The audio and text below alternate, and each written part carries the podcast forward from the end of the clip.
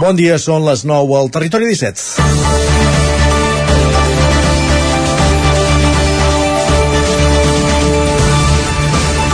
La salut cardiovascular és la principal causa de mort als països desenvolupats i un dels problemes actuals més rellevants de salut pública. Són el motiu del 15% de les hospitalitzacions a les comarques barcelonines, segons dades de la Diputació de Barcelona. La mitjana d'edat d'aquests pacients és de 74 anys, 71 en el cas dels homes i 78 en el de les dones. Les principals patologies d'ingrés són la hipertensió, les malalties cerebrovasculars agudes, la insuficiència cardíaca congestiva i l'infart de miocardi. 3 de cada 10 defuncions en dones i 4 de cada 10 en homes són per una d'aquestes malalties. L'envelliment de la població, gràcies a una major esperança de vida, fa augmentar la prevalència de moltes d'aquestes afeccions associades al pas dels anys i al deteriorament del cos. Per prevenir-les o ajornar-les al màxim és important seguir un estil de vida saludable. Es recomana mantenir una alimentació saludable i equilibrada, no fumar, eliminar o reduir el consum d'alcohol. Fer exercici físic aeròbic d'intensitat moderada, reduir l'estrès i controlar periòdicament la pressió arterial i els nivells de sucre i colesterol en sang. Aquesta és la part que hi podem fer cadascun de nosaltres en el nostre dia a dia. És crucial, però, que hi hagi un bon sistema sanitari amb els recursos suficients per poder detectar com més aviat millor i atendre totes aquestes patologies que sovint tenen un caràcter crònic i poden generar seqüeles irreversibles i dependència. Un problema d'hospitals com el de Vic o Camp de Bànol és poder disposar d'especialistes en aquests àmbits. De fet, la manca de cardiòlegs és un problema generalitzat, però s'agreuja en els hospitals més allunyats de l'àrea metropolitana. En el cas del Consorci Hospitalari de Vic, s'està formant un nou equip de cardiologia amb experts en diferents processos que treballen en coordinació amb l'Hospital Clínic de Barcelona. Mirant més enllà del dia a dia, però, cal avançar molt en la recerca. Aquest diumenge, la Marató de TV3 estarà dedicada a la salut cardiovascular. És important, no només pels diners que s'aconsegueixen per avançar la recerca, sinó també per la difusió que es pot fer del coneixement científic, com detectar els senyals d'aquestes malalties i els hàbits saludables per prevenir-les.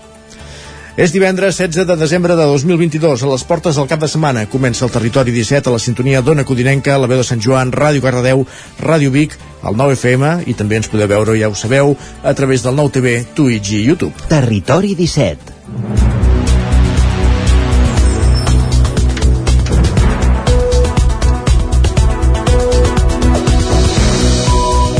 Passen pràcticament 3 minuts del punt de les 9 del matí quan comença un nou Territori 17, sense... Uh, ràpidament, volem dir, ràpidament us avancem el contingut que tenim preparat per aquest divendres, dia 16 de desembre de 2022, us acompanyarem des d'ara fins les 11, ja sabeu, el Territori 17 és el magazín de les comarques del Vallès Oriental, Osona, el Ripollès i el Moianès, i el que farem primer de tot és repassar les notícies, l'actualitat d'aquestes comarques en connexió amb les diferents emissores que dia a dia fan possible aquest programa. També farem un cop d'ull a la previsió del temps pel cap de setmana amb en Pep Acosta i anirem al quiosc a saber quines són les portades dels diaris d'avui amb en Sergi Vives. Al punt de dos quarts de deu, els divendres és temps de tertúlia, avui en companyia de Gemma Permanyer, Txell Vilamala i Guillem Freixa per tractar diverses qüestions de l'actualitat de les nostres comarques.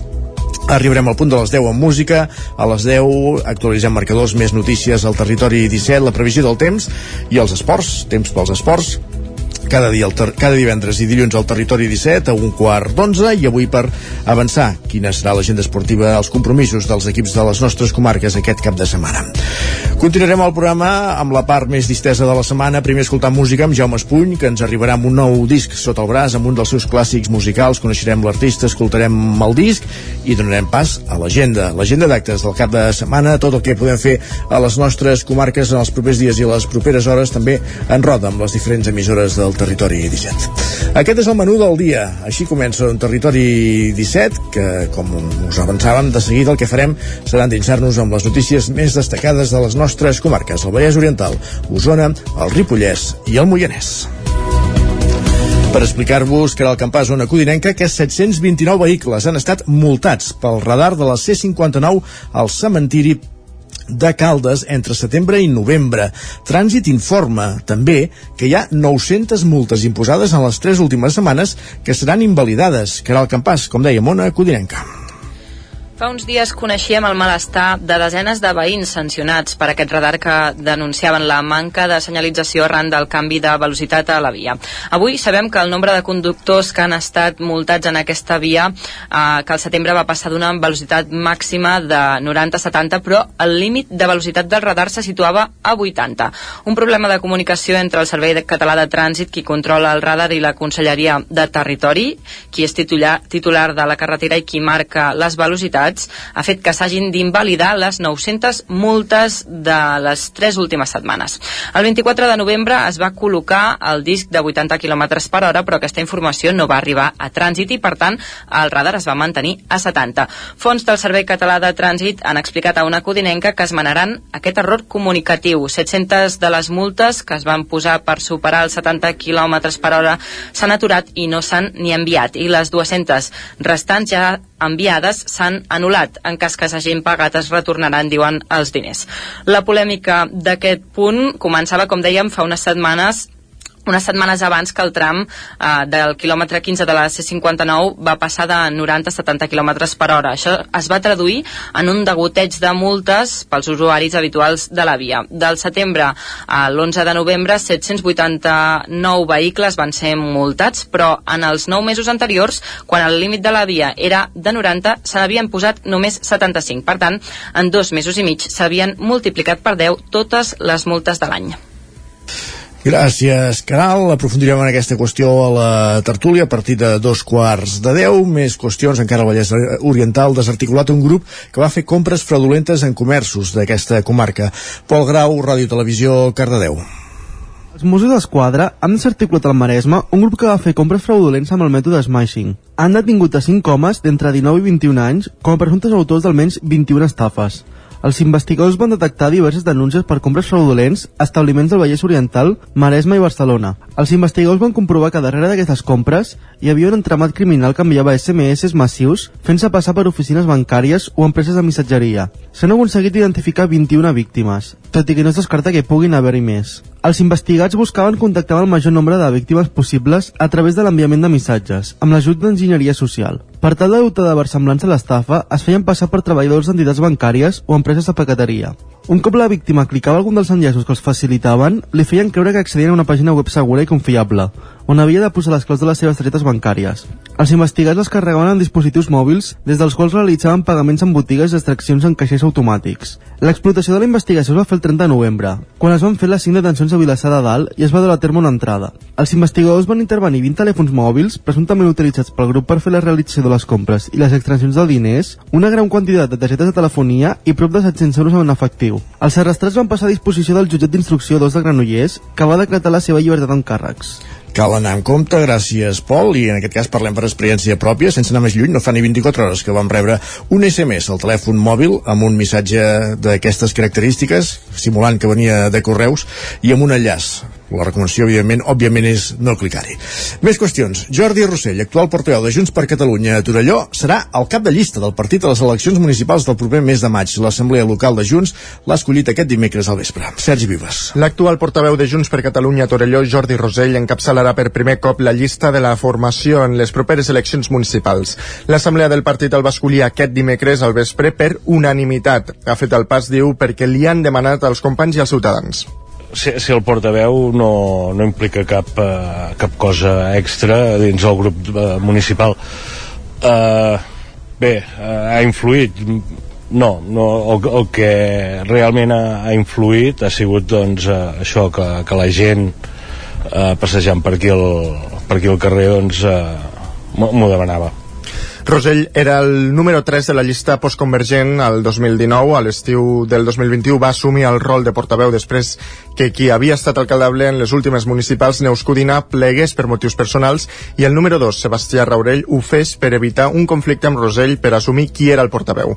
Ell va ser l'únic dels anteriors regidors postconvergents que va repetir el 2019. Llavors, però, no es va posar al capdavant. Actualment, Rosell, que està confeccionant una llista diversa, és crític amb l'obra del govern de l'actual equip republicà només has de, de caminar pe, pe, pel poble voreres eh, deixades eh, aquí on som els, els rajols eh, s'aixequen tot i el que volen fer és un, un edifici faraònic que és el, que és el club sense abans haver arreglat eh, tot el que està fet. Per tant, està molt bé fer-ho, s'ha de fer, sí, però primer de tot eh, el que s'ha de fer és eh, arreglar i millorar la, la cara de, de Torelló. Autònom del sector de la fusta, de 42 anys, Rosell va estar al govern al darrer mandat de Santi Vivet com a regidor de Comerç i Turisme, Joventut, Infància i Salut Pública. Ara haurà de portat 4 anys a l'oposició. A la nova etapa té el repte de, de remuntar les, els pitjors resultats de l'entorn convergent en les eleccions municipals a Torelló, quan van passar de 7 a 3 regidors. Més qüestions. El president del Consell Comarcal d'Osona, Joan Carles Rodríguez, i el coordinador de la taula per la gestió sostenible de la ramaderia, Ricard Carreras, demanen al grup de defensa del Ter que reconsideri la decisió de sortir d'aquesta taula. El president del Consell Comarcal, Joan Carles Rodríguez, i el coordinador de la taula de Purins, Ricard Carreras, lamenten la sortida del GDT que admeten que els va venir de nou i confien que podran reconduir la situació. De fet, deien tenen previst trobar-se en breu. Des de la taula, però, volen posar en valor la feina feta. Diuen que el 50% de les fonts contaminades estan millorant, que del 2019 al 2020 van augmentar un 8,5% el volum de dejeccions de, tractades i que s'ha reduït l'impacte ambiental negatiu d'un excedent de dejeccions i que treballaran per, si cal, tractar granges si no compleixen determinats paràmetres. Escoltem Rodríguez i Carreras. Ens sap greu perquè els necessitem. Els necessitem, necessitem els activistes mediambientals. La raó de ser d'aquesta taula és que hi siguin totes les veus, tots els actors, que es pugui parlar de tot, que hi hagi aquest espai de diàleg i si no hi ha diàleg i no hi ha aquest espai mm, després és més difícil d'avançar. Esperem reconduir-ho i eh, de fet eh, estem en converses amb el GDT per trobar-nos no pot ser que ara gastem en, en una moratòria que l'any passat es va allargar eh, a 4 anys eh, ara mm, no hi siguem tots els actors a, a la taula. Queda molta feina per fer però també hem de posar en valor la feina feta això és un dels indicadors, potser el més important de cares també a, a, a donar resposta al grup de defensa del Ter. I el fet de que ara jugui un paper molt més um, protagonista o molt més actiu uh, a la taula pot ajudar-nos a que juntament amb la resta de membres puguem acabar fent uh, una proposta per poder tancar aquelles granges que no estan complint a nivell ambiental el grup de defensa del Ter havia decidit sortir de la taula per la gestió sostenible de la ramaderia d'Osona amb una acció davant de l'escultura del porcater de Vic que van pintar de color verd. Alegaven que la taula fa un rentat de cara verd al sector industrial del porc a la comarca.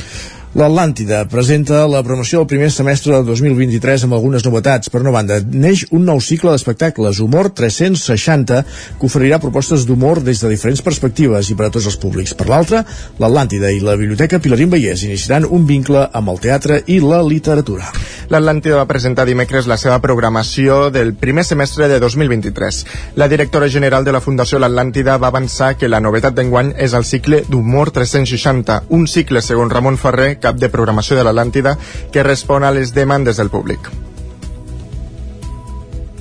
La idea és oferir tot un seguit de propostes que precisament siguin de caràcter humorístic, però l'humor des de diverses perspectives, des de l'humor d'en Peyu a la Paz Padilla, d'en Joan Pere a l'humor més coral de la sotana. Però potser pels temps que corren molta gent ens demana que fem espectacles d'humor, no? I per tant Iona, doncs, doncs escolta, sense perdre mai el llistó de la qualitat, integrem doncs, aquest, aquest, aquest, aquest itinerari d'humor 360 que en diem.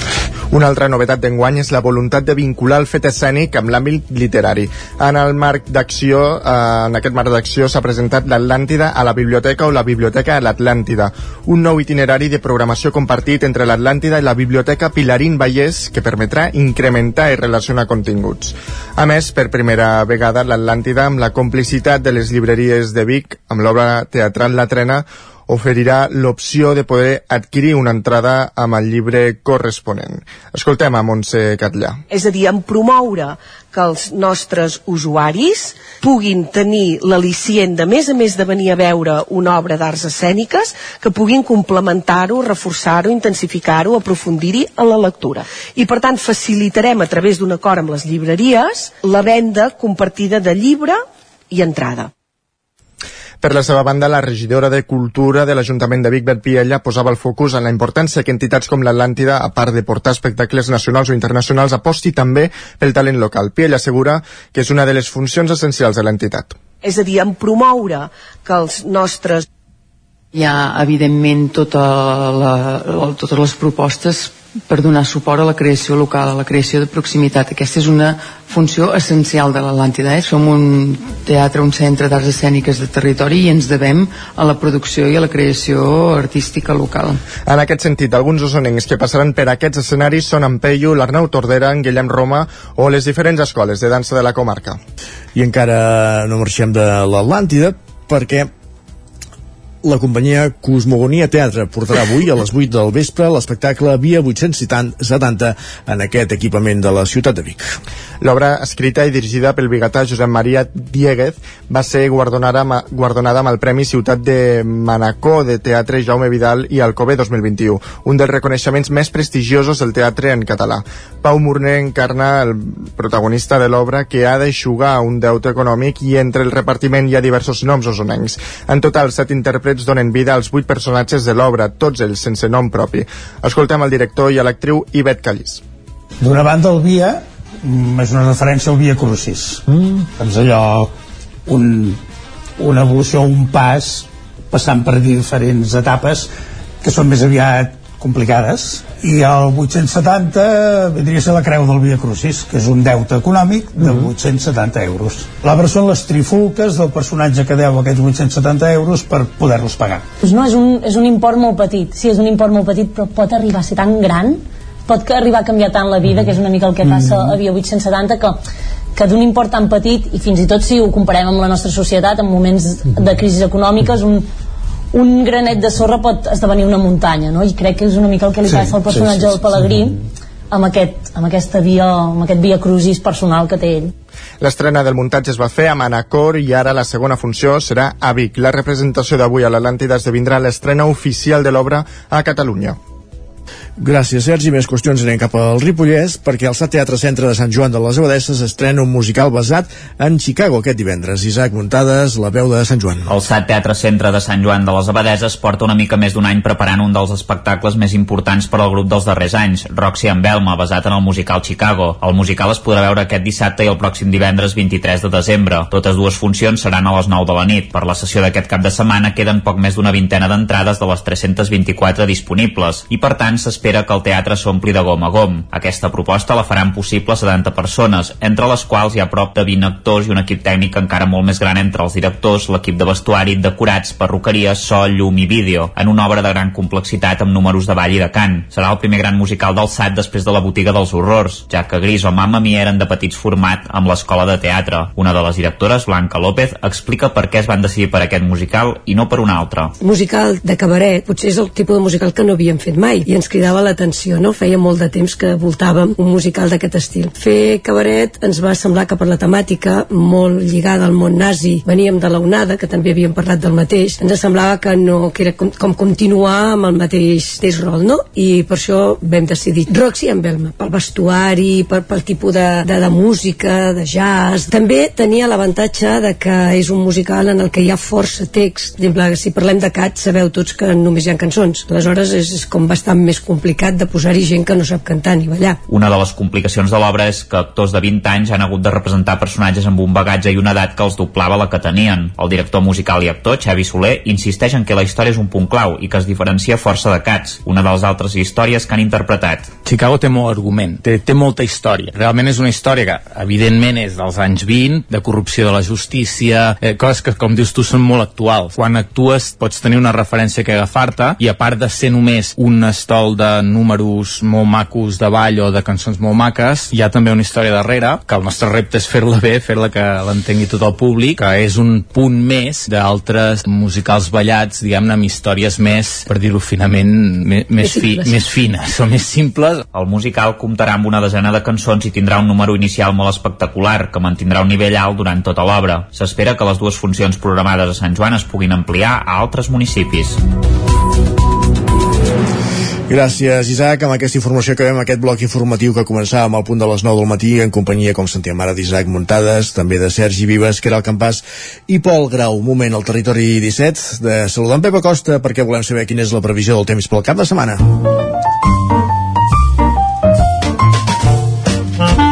Casa Terradellos us ofereix el temps. Per tant, tornem a una codinenca, Pep. Bon dia.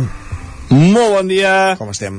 Benvinguts a l'Espai del Temps. Benvingut, benvinguts. Últim eh, dia de la setmana laboral. Això ja tenim eh? aquí el cap de setmana, últim cap de setmana abans de ja de ple amb les uh, dies assenyalats de, del Nadal Et veiem joiós. eh, que molta gent aprofita per, per, um, pues per comprar per anar a mercats de Nadal per anar a grans centres comercials eh, molta gent no farà res. Vull dir eh, cap de setmana molt interessant per molta gent i cap de setmana gens interessant per molta gent. Doncs per tothom l'espai del temps que fa una mica que ha començat i que jo mateix eh, dic. Doncs eh, què dic, què dic? Doncs que les temperatures eh, han baixat eh, fa una mica més de fred eh, eh, aquest matí eh, la majoria de les mínimes entre els 5 i els 10 graus eh, tot i això eh, no, no fa fred, eh? no fa fred ni de bon tros eh, a mi m'agrada que faci més fred per aquestes dates i ara no, no, no fa fred als nits ni de dia, no, no, no tenim aquest ambient eh, més fred, eh? no, no, no hi ha manera, no hi ha manera de que faci una mica més de, de fred. Mm, eh, a la nit hem tingut una mica més de, de núvols, eh, també tenim molts, moltes boires, bueno, eh, es van formant aquestes, aquestes eh, nuvolositat perquè hi ha molta humitat, eh, ha pogut aquests últims dies, però no tenim cap front a prop ara mateix i no ens afectarà aquest cap de setmana. Anem a pams per això, anem a pams, anem a pams, anem a pams. Avui serà un dia bastant assolellat, eh, també amb núvols, la variabilitat serà la, la tònica dominant d'aquest divendres. Les temperatures màximes seran bastant, bastant semblants a les d'ahir. La majoria entre els 12 i els 16 graus de màxima. Si cau alguna gota serà la tarda cap a la zona del Pirineu. Poca, poca cosa. Demà dissabte, les temperatures al matí baixaran, eh, la majoria de mínimes entre els 0 i els 5 graus, poques glaçades, només a molt alta muntanya. Demà serà un dia també eh, força ennuvolat, però molt poques precipit precipitacions. Si plou, serà cap al prelitoral i també molt poca cosa. Les temperatures màximes molt semblants, una vegada més, la majoria entre els 12 i els 16 graus de màxima. I diumenge serà el dia eh, segurament més estable del cap de setmana, bastant de sol, serà el gran dominador, fred a la nit, les mínimes eh, novament del 0 als 5 graus la majoria, amb només alguna glaçada cap al Pirineu a l'interior no glaçarà, i les màximes pujaran una mica. Al fer més sol, haver-hi eh, menys núvols, les temperatures pujaran més i direm més valors màxims entre els 15, 16, 17 graus. Una temperatura força agradable a les hores centrals del dia. Per tant, ja veieu, un cap de setmana eh, força estable, poques precipitacions, només alguna avui cap al Pirineu i demà cap al prelitoral, molt poca cosa, i diumenge el dia més estable amb unes temperatures força, força suaus. Només glaçarà a les nits cap a la zona del Pirineu. I això és tot, eh, gaudir del cap de setmana i ja gaudir del temps que farà aquest cap de setmana. Adeu, bon dia. Gaudirem d'adeu fins aquí una estona, Pep. Gràcies del temps cap al quiosc. Casa Tarradellas us ha ofert aquest espai. Perquè volem saber, Sergi, quines són les portades que podem trobar avui al quiosc, les portades dels diaris, és divendres, per tant, comencem per les portades de, del 9-9. Bueno, el que primer que hem, hem de destacar és que les portades del 9-9 avui... Estan tapades, eh? Està, estan tapades amb aquesta portada nadalenca feta per Rosen Vall Hernández que és el guanyador del concurs de portades de Nadal de, del 9-9 i avui llueix amb tot el seu esplendor aquesta proposta d'aquest regal embolicat amb esparadrap, una denúncia al, al moment social en el que, en el que vivim. Exactament. Després d'aquesta portada, d'aquest cartell, què hi trobem? Doncs mira, a Osona i Ripollès ens expliquen que aquest any a l'Hospital de Vic s'han posat un 40% més de marcapassos que abans de la pandèmia i també volen destacar que hi ha un mercat de segona mà en una església, es, tracta d'una botiga temporal a l'interior de l'església de la Pietat de Vic. Molt bé. La portada del Nou Vallès Oriental.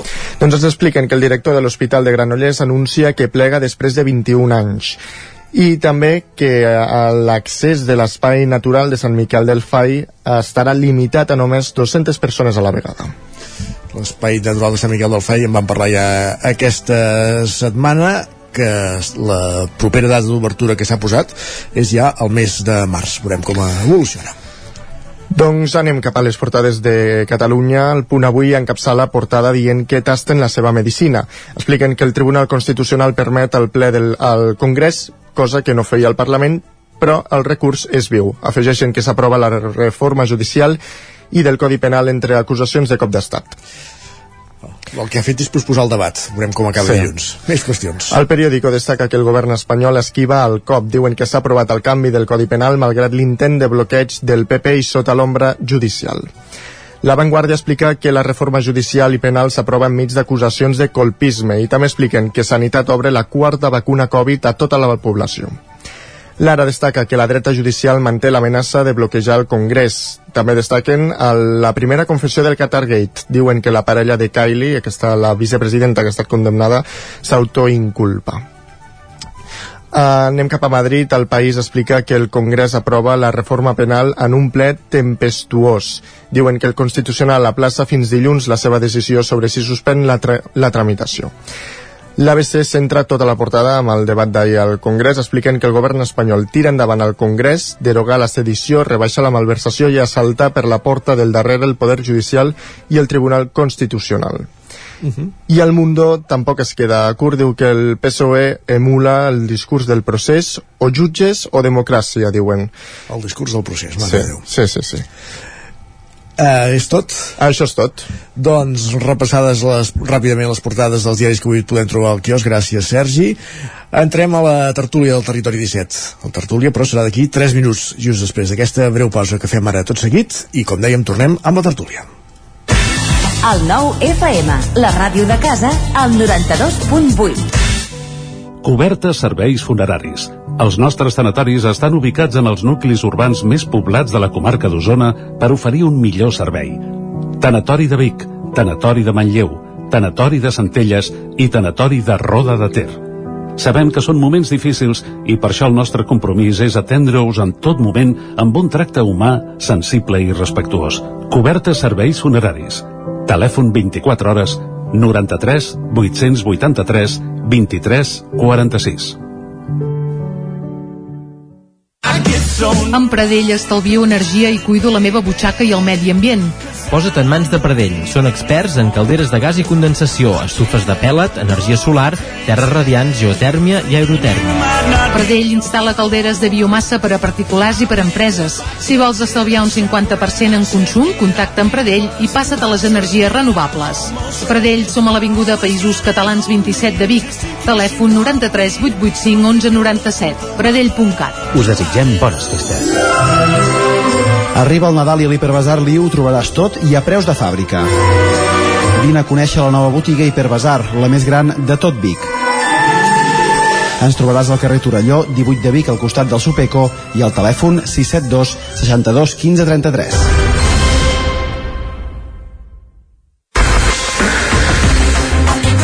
El nou FM, la ràdio de casa, al 92.8.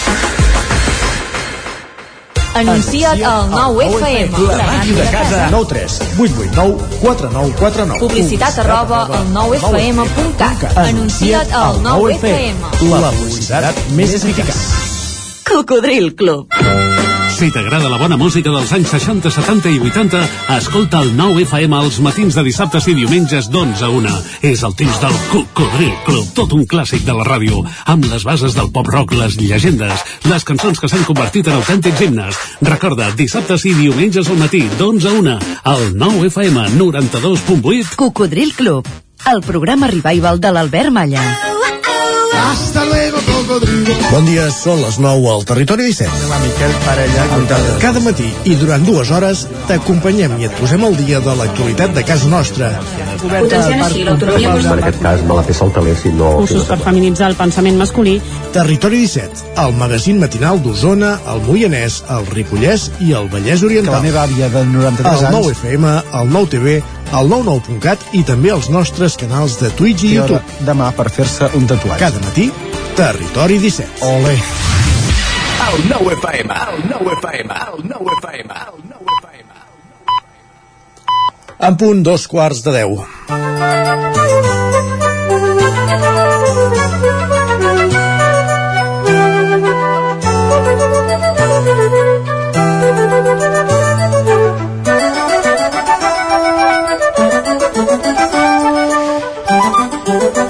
Punt dos quarts de deu, i això els divendres ja sabeu que vol dir que és sinònim de tertúlia. Avui en companyia de la Txell Vilamala, en Guillem Freixa i la Gemma Permanyer. Benvinguts, benvingudes tots tres. Com estem? Bon dia. Hola, bon dia. Bon dia. Bon dia. I per abordar diverses qüestions de l'actualitat de les nostres comarques, eh, Gemma, ens ha cridat l'atenció aquest, aquesta notícia que va avançar avui a una codinenca i a, i a BOTV, que Trànsit tornarà l'import de multes del radar del cementiri de Caldes a la C59. Eh, ja vam denunciar, ja vam explicar dies enrere amb la Caral que va, va anar fins al bar de Sant Feliu on es on, es, on s'exposen aquestes multes que molts conductors ja consideraven injustes perquè eh, es multava a una velocitat que no marcava però el retorn de la multa no és ben bé aquest eh, posa'ns-hi llum Exacte. Exacte, és, és un titular que pot fer que molta gent uh, estigui de celebració i l'hagi d'interrompre a mig fer, no? Perquè uh, la polèmica arrenca, com, com bé deies tu, quan a la carretera C59 entre Caldes i Sant Feliu s'hi fa aquest pas soterrat per, per anar del nucli urbà al cementiri i queda una demanda històrica perquè hi havia hagut fins i tot accidents mortals de, de, de gent a qui l'havien atropellat creuant la carretera. A partir d'aquí es fa un canvi de velocitat de la via es passa de 90 a 70, això fa que tot Sant Feliu i mig Moianès, que és qui utilitza aquesta carretera per, per pujar amunt, eh, estigui multat, però eh, arran de, no, se, no se sap si arran de les queixes o d'aquest increment en el de multes que hi ha en aquest primer període, el dia 24 de novembre, eh, Territori decideix tornar a adaptar la velocitat d'aquesta via i en lloc de ser 70 passa a ser 80. De manera que territori ho decideix però no comunica trànsit. I el radar es manté al 70 i del 25 de novembre a ahir s'havien posat 900 multes per superar el 70 quan el límit de la via és de, és de 80 d'aquestes 900, 700 no s'han enviat i 200 sí que s'han enviat i es diu que, que aquestes doncs, eh, que no es paguin o bé, si s'han pagat, se'ls retornaran els diners. Uh, balla entre el 24 i el 25 de novembre. No, no sabem exacte quin és el moment que van canviar la senyal. Però, però, per, podríem... per tant, és a dir, anaven a més de 70 i anaven a més de 80, que és el límit de la carretera, també, no? Per... Exacte. Anaven com a mínim a, a 15 quilòmetres per hora més que 70. Sí, sí. El 70, que tot i així és menys de la, de la velocitat uh, inicial.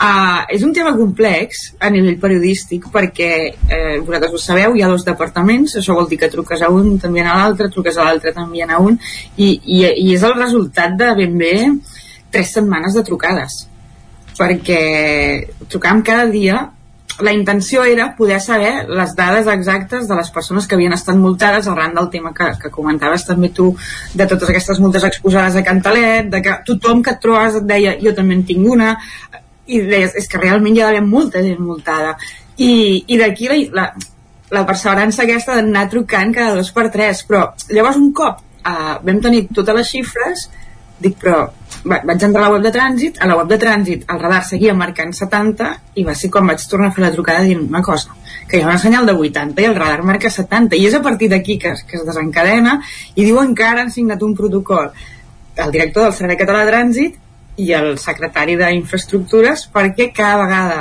que territori modifiqui un, una velocitat la comuniqui a trànsit sobretot si hi ha un radar pel mig però les, les xifres de les que es pagaran uh, si voleu sí. en què passeu alguna perquè amb, amb tot el mes de ai, amb tot el mes amb, amb tot l'any 2022 des del gener fins que es va fer el canvi de la via s'havien posat 79 sancions anaven a, entre 5, 7, 8, 11 al mes, depèn del mes. A l'agost, 16, perquè s'entén que a l'agost hi passa més gent que no està habituada a passar per aquí, segurament uh, llepen, però al setembre ja són 471.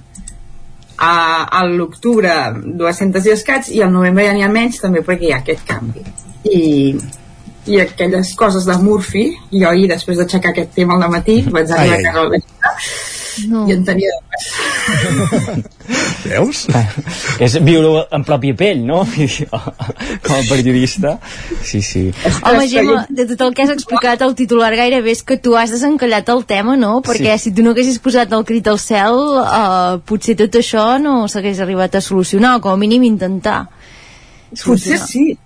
És d'aquells dies que acabes pensant que tot plegat té, té una mica de sentit. a vegades, a dir, bueno, a vegades podem fer coses que potser, que potser sí que desencadenen. Potser si, si no hagués estat jo se n'hagués adonat a, a algú altre, però, però sí que és veritat que aquest picar pedra no? a, a vegades acaba sortint amb coses així.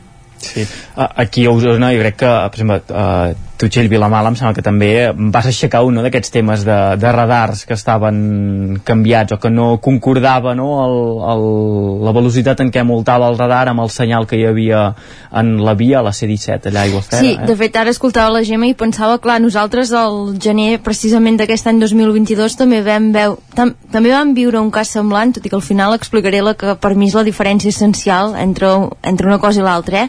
Aquí tenim els radars fixos a la C-17, eh, n'hi ha un en terme de Centelles i un altre Ceba, llavors més avall cap al Vallès ja sabeu que també hi ha el radar de tram i el radar que han posat ara més o menys a l'altura de l'Eiro. Uh, aquests dos radars abans multaven a més de 100 km per hora, uh, però es va prendre la decisió de rebaixar-ho a 80 justament per anar-se adequant a la velocitat dels radars de tram que hi ha més avall i en aquell moment hi va haver una llau de conductors que de cop i volta es van trobar això que els arribaven multes a casa. Jo crec que el que és diferent respecte al que expliqueu eh, el que explicaves ara tu, Gemma, és que en aquest cas la senyalització sí que era la correcta. És a dir, hi ha molta gent que la van enxampar, caçar, uh, però els, els cartells sí que posaven que aquells radars havien passat a multar a partir de 80 km per hora. Això va fer que nosaltres, quan parléssim amb territori i trànsit, després de passar també per aquesta audiència que has descrit tu, Gemma, perquè en un primer moment uh, no estava clar de qui era la competència, és a dir, no sabíem qui havia rebaixat uh, la velocitat dels radars, però després de passar per aquesta audiència, ells van acabar defensant doncs, que els radars estaven ben posats, que funcionaven correctament i que la senyalètica també era la correcta i per tant tant apel·laven a la responsabilitat dels conductors de circular a la velocitat màxima eh, que permet la via. El cas que descrivies el veig diferent perquè sí que hi ha hagut una mica d'embolic eh, i entenc que segurament els usuaris poden al·legar això, no? que en realitat eh, tampoc sabien ben bé a quan podien anar com a màxim. A, a mi del que, de tot el que has explicat també m'ha creat l'atenció aquesta idea que, que ara s'ha signat un protocol perquè quan hi hagi un, no, un canvi de, de velocitat en un radar s'hagi de comunicar entre administracions i, i diguem s'hagin de fer les coses ben fetes. S'hauria de donar com per suposat no? que eh, encara que siguin de departaments eh, diferents, diguem, treballen en un global conjunt que és eh, la, la Generalitat de Catalunya o el bé cap als ciutadans de, de Catalunya i hauria de ser molt lògic no? que si una part fa una cosa que afecta a una altra administració ho comuniqui, no sé, en la nostra vida, en el nostre dia a dia, jo crec que són coses que, que ni es plantegen, no? Vull dir, tu si a la teva feina fas un canvi en alguna, en alguna tasca que estàs fent que afecta un altre company del departament, o per exemple nosaltres aquí a la casa, a la casa que tenim la televisió, el diari, si fem una cosa que canvi, fem un canvi del diari, eh, canviem d'hora una entrevista que també venia a la tele i, la, i eh, es dona per suposat que els hi haurem de dir els de la tele, no? Que, que hem canviat aquell, aquella entrevista d'hora i em sorprèn això que tot just ara, no? Eh, ara hagin vist, ostres, hem de signar un protocol per, per comunicar-ho quan fem un canvi que ens afecta un o altre. Ostres, em, em sorprèn i, i sí que posar de relleu aquest periodisme local no? que caça aquestes uh, situacions que afecten a la ciutadania, en aquest cas amb, amb centenars i centenars d'afectats i poder canviar les coses, que encara som útils, no? que això segurament eh, ara s'hi enganxaran fins i tot potser mitjans eh, d'àmbit eh, nacional, d'àmbit eh, català, però que qui ha mogut també la pedra és, és el periodisme local. Jo em quedaria amb aquestes dues idees. Ostres, que em sorprèn que, que, que s'hagi de signar un protocol per comunicar coses entre administracions que en principi depenen de, del mateix, administracions públiques, vaja, i després la importància del periodisme local per captar eh, inquietuds, problemes eh, i, i moure les coses. Una mica aquestes dues idees.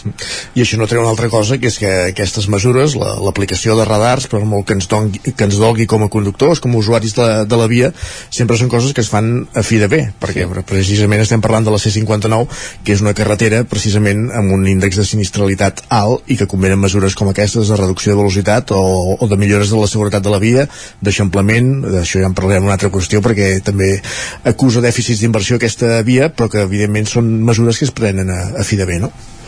De fet, sí, el, el que també és difícil és saber mm, per què uh, aquest canvi de velocitat i en aquest moment, no? Perquè sí que és veritat que aquest pas soterrat es posa en marxa a, a finals de juliol, devia ser finals de juliol, principis d'agost, van fer el, el típic acte de desembarcament de, tot, de polítics aquí, van tallar la cinta del, del túnel que passa per sota la carretera i tot, i allà sí que hi va haver un tècnic que va explicar que es farien mesures perquè la carretera passés a ser més estreta i, uh, i això comportaria que els mateixos conductors ja reduïssin la velocitat, però en cap moment en aquest, allà, aleshores van, van apuntar que es reduiria també la, la limitació. I llavors tothom se'n va anar de vacances i van aparèixer aquestes pilones que separen uh, la C59 durant 3 quilòmetres des, des de la part sud de Caldes fins a, a, a la part nord.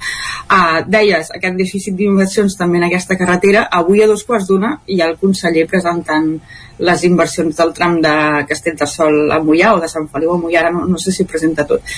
Li preguntarem també per, per aquesta mala comunicació que, que apuntava en Guillem i si realment a partir d'ara parlaran més entre els dos departaments. I com bé deies tu, Isaac, jo crec que sí que tens raó en apuntar això, que més enllà de que molesta sempre que en rasquen la butxaca, els, de, els radars es demostra que són una eina super efectiva a l'hora de reduir la sinistralitat i ja no només el nombre d'accidents, sinó sobretot les conseqüències, no? perquè sabem que la velocitat, quan a més velocitat circulem, doncs potser el que abans eren accidents lleus ara provoquen accidents greus o fins i tot a, a vegades amb víctimes mortals. I també em fixava en l'estadística de dades d'accidents, és interessant eh, destacar això que en el cas de Catalunya més de la meitat són els caps de setmana i segons trànsit tres quartes parts eh, són eh, per circular amb excés de velocitat, per l'alcohol i llavors per les distraccions amb el telèfon mòbil.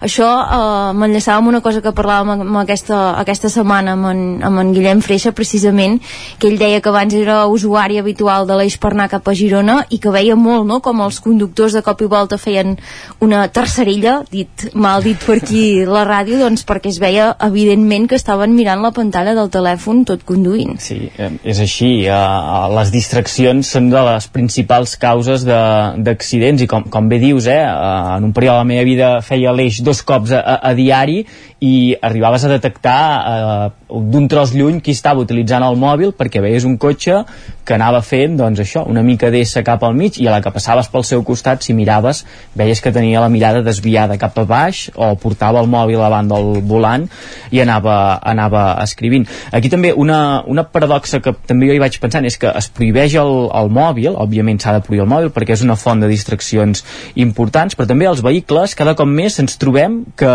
tenen pantalles tàctiles tàctils.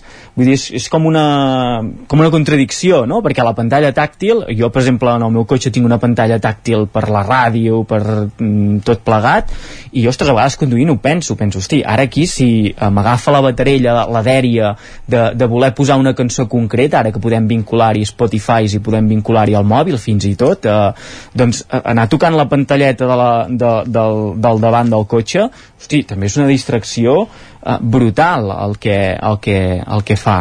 I, i per tant això, i el que deies de, de causes d'accidents ara que per exemple comencem l'època de festes nadalenques eh, i de sopars de Nadal. i de sopars de, de Nadal Uh, precisament des de, de, des de trànsit insisteixen molt que la nit és un, és un moment eh, perillós però ells també posen molt, molta importància en, en primera hora de la tarda o mitja tarda que és quan s'acaben els dinars. I que normalment potser amb els dinars no tenim tanta sensació de risc o que trobarem controls d'alcoholèmia i, i és on la gent potser es deixa anar i després, doncs, sortint la combinació ja sigui d'alcohol o fins i tot d'un àpat eh, contundent i després agafar el cotxe també és un, una causa important d'accidents amb, amb conseqüències fatals. I els, i els radars, com bé dèieu, és això emprenya si et multen però normalment és perquè no has fet una cosa bé. I la importància dels radars de tram. També aquí hi ha hagut una evolució no? abans amb els radars fixes doncs tothom quan ja havia passat un cop uh, gas, freno sí, sí. i torno a, a, a posar gas. Amb els de tram doncs eh, bueno, es, eh, es garanteix no, que estàs un període de temps amb certa tensió eh, vinculada al límit de, de velocitat. I aquí jo voldria enllaçar, enllaçar amb les ciutats intel·ligents perquè ara un radar de tram eh, eh, no sé, eh, a les rondes no? que hi ha trossos que a Barcelona que hi ha trossos que són a 60 doncs durant el dia vas a 60 i vas diguem una massa de cotxes a, a 60 però a vegades si passes a la nit te n'adones que amb tres carrils i anant a 60 allà potser no és adequat no? i potser s'hauria de fer aquest pas més i que radars de tram s'adaptessin a, a situacions de la via. No et dic que passéssim d'anar a 60 a anar a 120, eh? però potser en aquell moment que el límit de velocitat passés a ser a 80 i que fos més adequat doncs, pel, pel trànsit. Jo crec que aquí les ciutats intel·ligents també hi ajudaran en aquest tema de, de, de regular el trànsit, de la mobilitat, de, de fer les carreteres més, més segures. Mm -hmm. Hem parlat de seguretat a la carretera a partir d'aquesta incidència que ens explicava la Gemma amb el radar de la C59 que tornarà les multes al radar de, de Caldes, al cementiri de Caldes la C59, trànsit tornarà l'import de les multes d'aquesta franja concreta de, de, de, de setmanes però també volem tractar altres qüestions. Diumenge TV3 celebra una nova edició de, de la Marató centrada en les, en les malalties eh, cardiovasculars i, i en aquest cas Tutxell Vilamala també has fet el, un exercici aquesta setmana important i, per exemple, una dada que, que surt avui al 9-9 eh, de, en els darrers 10 anys ha incrementat el nombre de, de marcapassos que, que es col·loquen eh, al Consorci Hospitalari de Vic.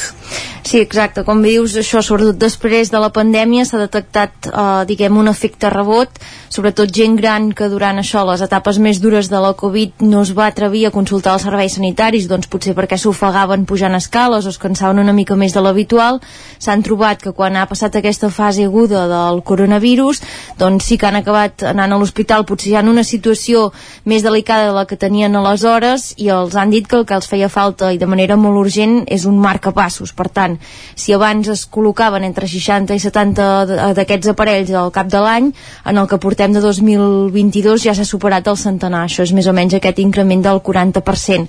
És un petit exemple de com les malalties cardiovasculars eh, són molt presents en la nostra societat i de fet ho seran cada vegada més perquè els cardiòlegs expliquen que amb l'envelliment de la població, recordem que cada vegada se'ns allarga més l'esperança de vida, eh, aquest tipus de malalties van associades a això, al deteriorament del cos, el fet que el cor cada vegada li costa més bategar, manxar i, i per tant eh, i per tant això, eh, quan més anys vivim doncs més risc hi ha que s'incrementi la preponderància d'aquest tipus de patologies. I llavors deixar clar que eh, dins d'aquest paraigua la més coneguda és evidentment l'infart però és que n'hi ha moltíssimes de malalties del cor, l'insuficiència cardíaca la gent que té problemes amb les vàlvules. Llavors entendre eh, que a partir d'aquesta edat sobretot la gent d'edat avançada són perilloses, recordar també que afecten generalment més els homes que les dones i que tots tenim responsabilitats a l'hora de prevenir-les perquè també el que expliquen els professionals eh, és que normalment s'acostumen a tractar en la seva fase aguda quan fem un infart per exemple però el que no es veu és la feina que s'ha de fer abans i després doncs això, eh, repetint aquests hàbits que a vegades sembla que els tenim tan interioritzats que ja no cal dir-los però que llavors no els complim tots plegats no? això de no fumar, intentar no passar-nos amb l'alcohol i sobretot amb el menjar, amb les dietes saludables. Una de les dades que m'ha cridat l'atenció d'aquí la comarca d'Osona és que la cardiòloga ens explicava que quan miren les proves diagnòstiques de gent gran d'aquí, el colesterol normalment sempre està molt més disparat eh, que, per exemple, a Granollers o a Barcelona, i ho atribueixen directament a l'efecte dels embotits, el fet que Osona és una comarca altament productora això, de, de carn de porc i dels seus derivats i que la gent d'aquí en mengem molt i per tant doncs, tenim més obstruccions a totes les venes que formen part del, del sistema sanguini. I llavors una altra dada que crec que és interessant ressaltar ja que som aquí a Osona, que ho estem explicant des d'Osona, és que també ens deien els cardiòlegs eh, que la gent de la comarca és molt soferta, que li costa anar al metge, sobretot a la gent gran, i que amb això no s'hi val, que amb el cor a la més mínima, doncs això que detectem dolors sobtats, eh, dolors opressius, que ens costa respirar, que ens fa molt de mal, doncs allò de que no hem d'anar al metge ha de passar la història i sobretot consultar, ja sigui al centre d'atenció primària o, o després a l'hospital. Des de l'hospital ens, ens deien això que hi ha avis i àvies que van cada dia a l'hort, que caminen moltíssims quilòmetres, que a vegades tenen artèries com l'hort bastant uh, obstruïdes i que entren a consulta dient que es troben fantàsticament bé i que no, i que no passa res. Mm -hmm. De fet, eh, aquesta dada, perquè aquesta setmana la Diputació de Barcelona també donava dades, que, i una d'elles és que la insuficiència cardíaca és la primera causa d'hospitalització a partir dels 65 anys, de, de que segurament podem extrapolar eh, a tot el Principat.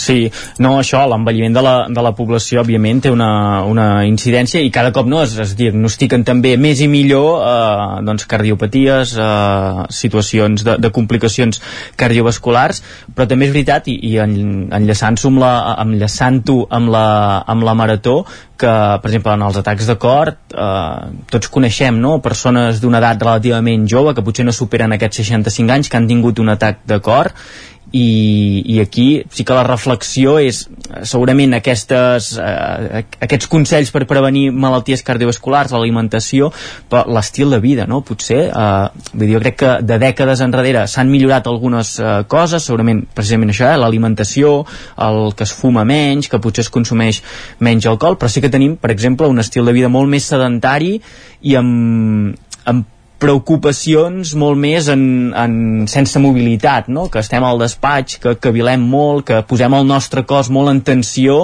i potser llavors no ho, no, ho, diguem, no ens esvergim suficient per, per uh, entrenar aquest, aquest cos. Jo crec que l'estil de vida, uh, aquest estrès de, de l'edat moderna, segur que la gent d'abans també tenia moltes preocupacions i, i la pitjor de totes era potser quan en èpoques de, de fam, eh? no, no tenir menjar, però ara mateix uh, això també aquest estil de vida més sedentari, eh, en què la feina, les feines ocupen moltes i moltes hores de, de, molta, de molta gent, doncs potser també acaben tenint influència en, en aquests temes de, del, del cor, de la pressió arterial, de, de tenir la, la pressió alta, per tant, jo crec que és important, avui ha en el 9-9 aquest quadre de, de, de consells per prevenir malalties cardiovasculars, doncs tenir-ho molt, molt en compte, i l'exercici físic. Dins les nostres possibilitats, jo crec que una doctora un dia em va dir el millor ansiolític que existeix és uh, l'exercici físic. Mm, va semblar fantàstica la, la paraula, i jo crec que dins les nostres possibilitats, dins el que pugui fer qualsevol, jo crec que una estona de, de trencar amb la, amb la rutina, de cremar doncs, aquest accés potser d'alimentació que tenen les societats eh, modernes eh, fent exercici físic eh, bueno, crec que és, és una, bona, una bona mesura. I la marató doncs una bona manera per, per recollir fons i, i destinar-ho a, la, a la investigació. I segurament això, eh, més enllà dels diners que recaptin, que sempre acaben sent molts i si vol que moltíssima gent, eh, només fa falta mirar l'agenda d'activitats doncs, a les nostres comarques, també aquesta feina de visibilització i d'explicació superdetallada de casos concrets, eh, de parlar amb especialistes, que a vegades aquesta feina divulgativa és la que realment no ajuda a canviar la consciència. Eh, també, evidentment, hi ha d'haver aquests programes que permetin fer recerca i que millorin les condicions de vida dels malalts, però si realment hem de crear consciència, doncs segur que programes d'aquest estil són clau uh, per aconseguir-ho. I llavors destacar, en el tema aquest de les recomanacions està molt bé això que deies de l'exercici físic, el que hem comentat de la dieta, però també crec que és important uh, aquests deures de ser més curosos a l'hora de cuidar-nos de la nostra salut. Jo crec que potser les noves generacions sí que en això estem fent un canvi, però n'hi ha de més grans eh, que a vegades els controls controls uh, i això ser, ser curós a l'hora de fer-se una analítica cada any o anar-se mirant la pressió o, o mirar-se el colesterol, els nivells de sucre a la sang és allò, si tot va bé uh, siga siga, no? que no s'hi està gaire sobre i llavors quan arriba el susto o quan hi ha aquest ensurt sí que tractem la fase aguda del problema però després ens despreocupem de continuar cuidant-nos també des d'aquest de, punt de vista de salut de controlar que tots els marcadors estiguin on han d'estar Avui estic envoltat de tres persones que ho molt ben interioritzat, això de l'exercici físic. Gemma? Una mica sí, però a vegades també uh, ens pengem, eh? Uh, no, molt, molt d'acord amb, amb tot això que estàveu dient. De fet, ara estava pensant, abans que ho digués la Txell, de, precisament amb això de, de la sensibilització d'aquesta vessant que també fa uh, la Marató, no només de sensibilitzar de, de la importància de la recerca, de, de què és cada una de les malalties, de com prevenir-les, sinó també de com actuar quan ens trobem en un cas d'aquests, no? perquè sí que és cert que cada vegada eh, els, els equipaments i els llocs per on ens movem estan més equipats amb desfibriladors, però jo si em trobés en un cas d'infart ara mateix eh, al lloc on treballo, on n'hi ha un, no el sabria fer servir. I, i això em porta a, un, a, un, a una història personal que em van explicar fa pocs dies uh, d'un amic que va ser ell qui va salvar el seu pare perquè com que havia fet un voluntariat a la Creu Roja fa X anys, sabia fer servir el desfibrilador. Però, però mm, segurament ens falta molt camp per recórrer en aquest tema eh, i aprendre i saber com reaccionar en aquest punt. A, a banda, també, potser tenim, sí que som molt conscients que ens, hem, que ens hem de cuidar, que hem de fer aquests controls, que hem de, que hem de complir tots aquests paràmetres, però a vegades també estigmatitzem aquests, aquestes malalties com que són cos, malalties només de persones grans uh -huh. i hi ha persones amb 40, 50 que som joves que, que també pateixen um, poden patir un atac de cor i no el detecten i, i a vegades això ens pots fer netar o ens, ens pots fer patir no? m'explicaven també aquesta setmana arran d'això el cas d'una noia que tenia molta pressió al pit però ho relacionava amb l'estrès laboral i estava fent un infart Sí, sí, són qüestions que, que tots segurament hi han de posar més, uh, més atenció. M'agradaria acabar aquesta tertúlia, que és l'última que farem abans del sorteig de, dels nens de Sant Ildefons el proper dijous. sabent una mica eh, el nivell ludòpata de cadascun de, de vosaltres. Compreu molta loteria o no?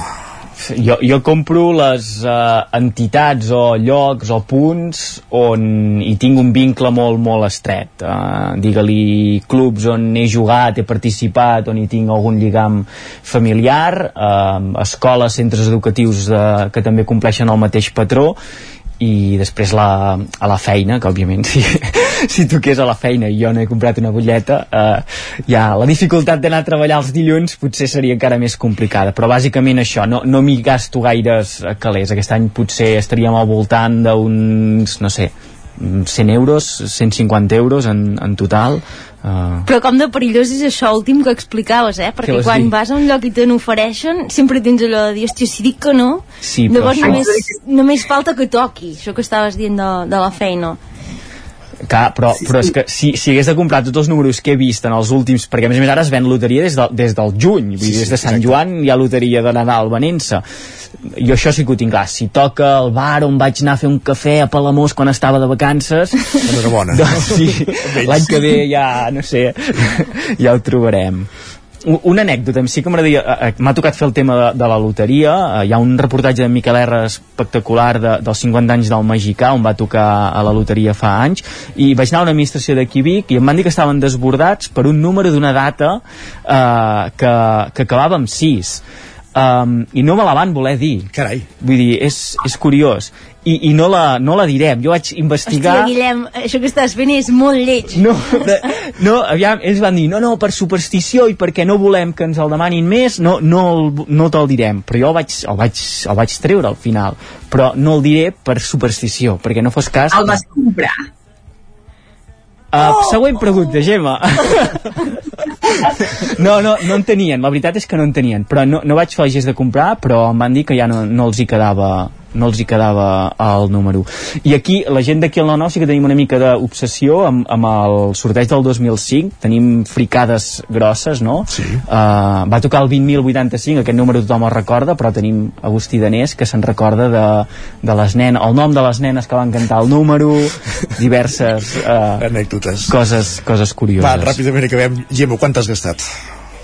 Com en Guillem, més o menys, sí. Txell, Soc també? també de entitats que les has de tenir sí o sí perquè ja has jugat sempre, però llavors sí que faig allò que quan anem a a la mitja marató aquesta que anem a córrer al País Basc allà en compro per la família i fem l'intercanvi de, de dècims llavors si toca renteria potser no vinc a la tertúlia de dia Jo he de dir que gasto molt pocs diners amb la loteria de Nadal, només tinc un dècim, que és el dècim de la feina, però sí que reconec que cada setmana em gasto 5 euros a l'Euromillones perquè el faig compartit amb una amiga. Molt bé. Diguem si hi ha premi la constància, en lloc de la sorpresa del 22. Gràcies, Txell, Gemma, Guillem, i que hi hagi sort al sorteig de dijous, tant per tant. Igualment. Gràcies. Adéu. I acabem eh, aquesta tertúlia amb la música del Sense Sal, una música que avui s'apaga amb el concert de comiat que fan a la Sala Polo de Barcelona. Aquesta cançó es diu La Sortida. Digue'm tu què és el que vols, oh, oh. Digue'm tu què és el que vols,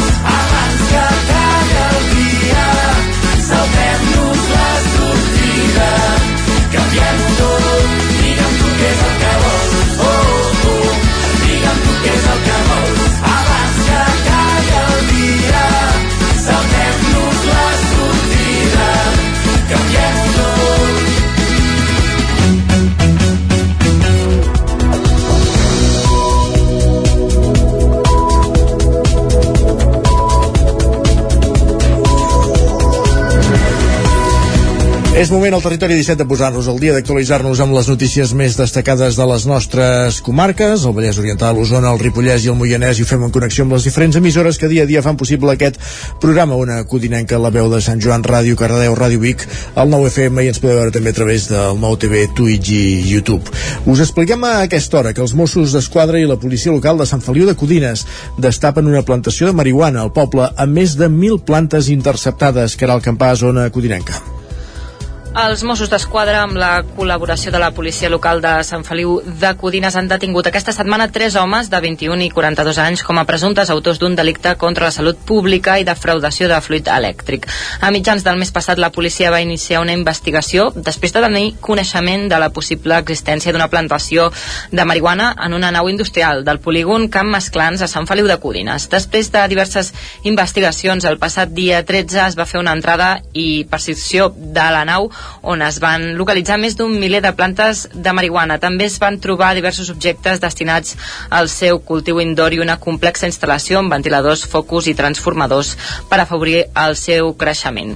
Durant l'operatiu es van localitzar dues persones a l'interior de la nau que en veure la presència policial van intentar fugir pel terrat. Els agents els van poder interceptar i els van detenir per la seva presumpta relació amb un delicte contra la salut pública. També se'ls va denunciar per defraudació de fluid elèctric, ja que havien manipulat el subministrament. El dia següent es va detenir una tercera persona i se'n va denunciar penalment una quarta, totes dues relacionades amb la plantació. Els detinguts han passat a disposició judicial davant del jutjat d'instrucció en funcions de guàrdia, el qual ha dec- decretat llibertat amb càrrecs. Gràcies, Caral. Més qüestions. Com informar de forma ètica sobre temes de seguretat? És la pregunta que dimecres es llançava als periodistes Alba Tovella, Quico Cellers i Agustí Danés, director editorial del 9-9. Tots tres van participar a la taula rodona per sensibilitzar sobre l'amenaça que suposa pel periodisme el fenomen de les notícies falses, de les fake news. Sergi Vives. L'amenaça de les fake news s'entrava a la taula rodona que l'Ajuntament de Manlleu va organitzar aquest dimecres a l'Auditori Roca del Museu del Ter. Hi van prendre part el director editorial del 9-9, Agustí Danés, i Quico Sallés, redactor del Món. També Alba Tovella, periodista i cofundadora de Verificat.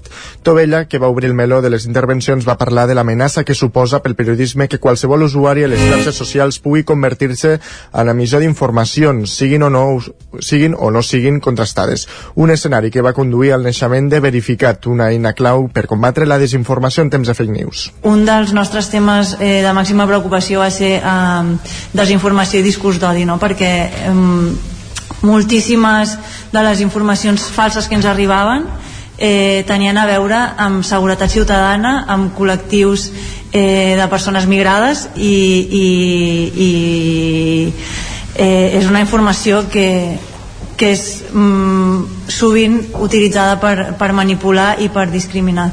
Agustí Danés, per la seva banda, va assegurar que l'ètica en periodisme hi ha de ser sempre, no només en informacions que tenen a veure amb la seguretat. En aquest sentit, Danés va voler desmentir que el periodisme estigui en crisi. Sí que ho està, deia, el model periodístic. Allò que ens explicaven quan anàvem a la facultat de la comunicació de masses, els mitjans, érem imprescindibles perquè fèiem d'intermediaris. Això s'ha acabat, perquè tothom pot ser emissor, no? Però fer un tuit o tenir un telèfon mòbil no equival a una llicenciatura. Jo vull defensar el paper dels periodistes. Penso que el que està en crisi és el model de negoci de les empreses periodístiques, però el periodisme no està en crisi, al contrari.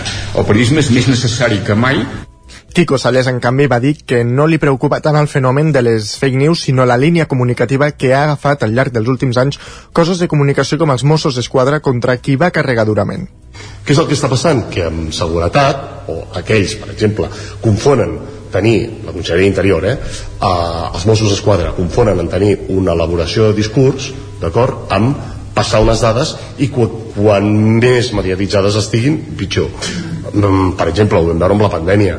És vergonyós tenir que la policia d'aquest país faci tuits dient que han descobert una orgia. Què passa? Són la policia moral? La taula rodona d'aquest dimecres posava punt i final al cicle que l'Ajuntament de Manlleu va impulsar a principis de mes amb l'objectiu de millorar la convivència i el civisme de la ciutat. Gràcies, Sergi. Anem cap al Vallès Oriental, perquè Roca Humbert Market, el mercat nadalenc a Granollers per dissenyadors, artesans i creadors independents, se celebra aquest cap de setmana. Pol Grau, Ràdio Televisió, Cardedeu. Del 16 al 18 de desembre se celebrarà la primera edició del Rock Humbert Market, un nou mercat nadalenc a Granollers que reunirà una cinquantena de dissenyadors, artesans i creadors independents. Al voltant del mercat girarà, a més a més, una proposta lúdica i cultural per a tots els públics amb activitats, tallers, música i gastronomia.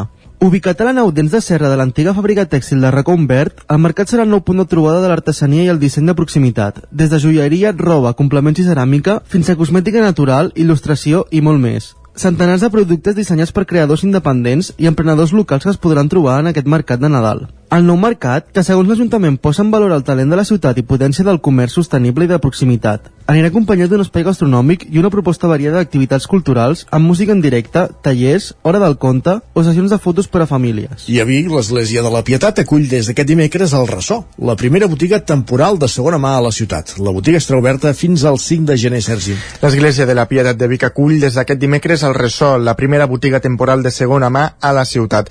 Es tracta d'un projecte de cinc entitats socials com l'Associació de País, la Fundació Areté, l'Associació Aixes, la Fundació Trueta i la cooperativa La Fera Ferotge, que amb el suport de la, Mancomun de la Mancomunitat La Plana i Creació han apostat per impulsar aquesta botiga temporal de mobles, roba i altres objectes de segona mà i restaurats. Mireia Ribas és la gerent de l'Associació Tapis. Aquesta iniciativa surt doncs, de que entitats socials de la comarca treballem amb temes de reutilització, treballem amb temes de socio socials i, i sociolaborals i llavors amb aquest motiu una mica medioambiental també ens vam, ens vam trobar, ens vam començar a trobar i vam començar a avançar quines opcions teníem a l'hora de donar sortida aquesta, aquesta matèria residu que anem recollint, alguns recollem roba, altres recollem doncs, eh, eh, voluminosos, joguines, contes i de més, i vam començar a pensar en quines opcions hi havia, emmirallar-nos una mica cap a Europa, mirar una mica cap enfora, i va sortir aquesta iniciativa de, de fer aquesta prova pilot ara d'arrencada i veurem després també cap a on, cap a on es patega més endavant cap al futur. La prova pilot servirà per estudiar la instal·lació del projecte en un espai permanent i durarà fins al 5 de gener. En l'acte d'inauguració d'aquest dimecres, Núria Oms, regidora de Benestar i Família de Vic, va qualificar el ressò com a un espai per fomentar la reutilització com una alternativa de consum sostenible, així com una economia circular, singular i de qualitat a banda del projecte en si, no? que parla de la reutilització, un tema doncs, tan actual i un valor tan, tan potent, no? i també del suport a les persones amb vulnerabilitat, a part del projecte també vam tenir molt clar que hi havíem de ser no? per donar aquest suport en aquestes entitats que fa tants i tants anys que treballeu a Vic i comarca no?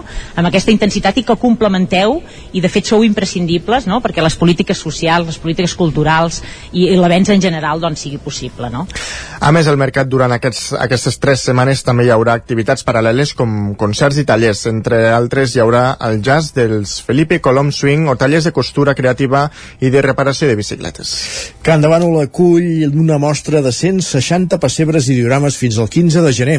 Isaac Montades, la veu de Sant Joan. Camp de Bànol acull des de fa uns dies la segona mostra de pessebres organitzada per l'associació Camp de Bànol Cultura i Compromís de 160 pessebres i diorames, comptant-hi el 59 del grup excursionista Camp de Bànol, que es poden veure per només 5 euros a la Torre de Mossèn Tor i també en tres locals del centre del poble, a la plaça de la Mainada, al carrer Girona i al carrer Damià de la Farga fins al 15 de gener, els dissabtes, diumenges i festius al matí a la tarda. El president de l'associació, Abel Dan, recorda com es va gestar aquesta exposició. L'any passat vaig fer la primera mostra de pessebres perquè era molt recient, vam inaugurar el mes d'octubre. Llavors, eh, clar, eh, octubre, a final d'octubre teníem novembre i, clar, en un mes i alguna ja hi havia, doncs, Nadal. Què feia jo per atreure el poble, per vestir el poble, per vestir la torre i una cosa, doncs, per activar la gent i per, perquè, doncs, acabar-ho de, de formar? Doncs, ostres, vaig dir, doncs, a mi ja des de petit m'havien agradat sempre molt els pessebres i m'havia fet, doncs vaig dir, doncs faré, doncs, la primera mostra de pessebres a Can Davano. Per això l'any passat més va ser la torre, perquè era tot molt tendre. Adam apunta que la gent no entrava al poble i que amb l'oferta cultural de la Torre de Mossèn Tor ara s'hi queden. En només 5 dies d'exposició ja hi han passat 1.400 persones i Adam creu que arribaran als 5.000 visitants. Un dels pessebres més grans és el del ripollès Andrés Matilla, que està exposat al local de la plaça de la Mainada. Eh, llavors l'Andrés Matilles doncs vam prometre a les, a les escoles que aquest any seria més el doble i sí, sí, és de 5 metres tot amb motorets, tot, tot funciona les places de mercat, ponts rius, cascades d'aquestes això, com veus? També destaquen una desena de diorames del pessebrista de Porqueres Pere Batlle i dels seus alumnes que tenen una profunditat d'1,30 metres. A més a més, hi ha 5 diorames del reputat pessebrista de Sant Pere de Torelló, Manel Font. A l'entrada de la Torre de Mossèn Tor hi ha un diorama de benvinguda del cant de Benolenc Eliseu Soler i a la mostra també hi ha pessebres de Vic, Tavernoles, Call d'Atenes, Manresa, Banyoles, Artés, Olot i la Pobla de Lillet. Gràcies, Isaac. I fins al 8 de gener, els aparadors de 7 locals comercials tancats de Manlleu mostren l'obra de 10 artistes contemporanis, Sergi. És la novena edició del Manlleu Galeria d'Art, iniciativa que té el doble objectiu d'acostar l'art contemporani a la població i alhora de donar ús i visibilitzar espais buits.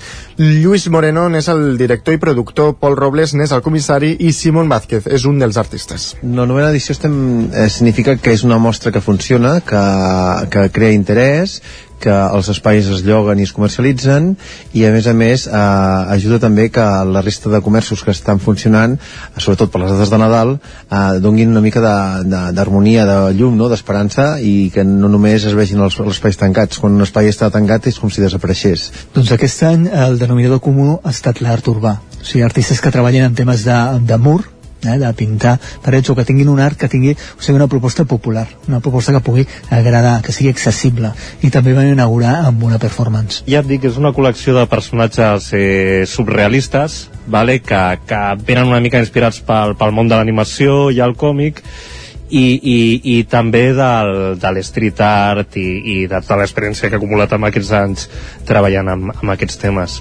Entre els noms destacats del Manlleu Galeria d'Art hi ha el del pintor Xavi Vilaró o el manlleuenc Cesc Graner, que actualment viu al Japó. També participen la bigatana Roxanne, Núria Toll, Sabrina Rodríguez o Albert Aran.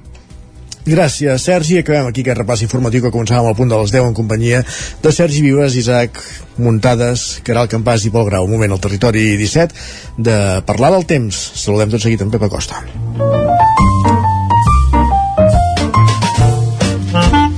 Casa Terradellos us ofereix el temps. Tornem a una codinenca, com dèiem, saludem el nostre home del temps, Pep Acosta, perquè volem saber quin temps farà avui, les properes hores i també el cap de setmana, Pep. Molt bon dia. Què tal? Avui serà un dia bastant assolellat, eh, també amb núvols. La variabilitat serà la, la tònica dominant d'aquest divendres. Les temperatures màximes seran bastant, bastant semblants a les d'ahir. La majoria entre els 12 i els 16 graus de màxima. Si cau alguna gota serà a la tarda cap a la zona del Pirineu poca, poca cosa. Demà dissabte, les temperatures al matí baixaran, eh, la majoria de mínimes entre els 0 i els 5 graus, poques glaçades, només a molt alta muntanya. Demà serà un dia també eh, força ennuvolat, però molt poques precipitacions. Si plou, serà cap al prelitoral i també molt poca cosa. Les temperatures màximes molt semblants, una vegada més, la majoria entre els 12 i els 16 graus de màxima. I diumenge serà el dia eh, segurament més estable del cap de setmana, bastant de sol, serà el gran dominador, fred a la nit, a les mínimes eh, novament del 0 als 5 graus la majoria, amb només alguna glaçada cap al Pirineu a l'interior no glaçarà, i les màximes pujaran una mica. Al fer més sol, haver-hi eh, menys núvols, les temperatures pujaran més i direm més valors màxims entre els 15, 16, 17 graus, una temperatura força agradable a les hores centrals del dia. Per tant, ja veieu, un cap de setmana eh, força estable, poques precipitacions, només alguna avui cap al Pirineu i demà cap al prelitoral, molt poca cosa, i diumenge el dia més estable amb unes temperatures força, força suaus. Només glaçarà a les nits cap a la zona del Pirineu. I això és tot, uh, gaudir del cap de setmana i ja gaudir del temps que farà aquest cap de setmana. Adeu, bon Gràcies, dia. Gràcies, gaudeix tu també del cap de setmana. Gràcies, Pep. Bon dia. Avancem al territori 17 del temps. Donem pas als esports. Casa Tarradellas us ha ofert aquest espai. Territori 17. Envia'ns les teves notes de veu per WhatsApp al 646 079 023. 646 079 023. WhatsApp Territori 17.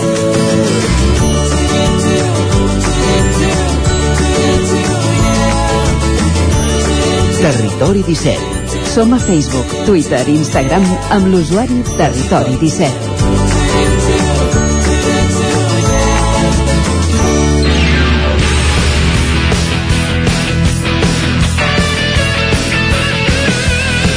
Un quart d'onze del matí, com cada divendres, temps pels esports al territori 17, moment d'aprofundir en l'agenda esportiva del cap de setmana pels equips i esportistes de les nostres comarques, una agenda esportiva que fem en roda per les diferents emissores del territori 17 i que comencem els estudis de Ràdio Televisió Cardedeu, allà hi ha en Pol Grau. Benvingut, bon dia, un divendres més. Bon dia, de nou. Com es presenta el cap de setmana esportivament parlant?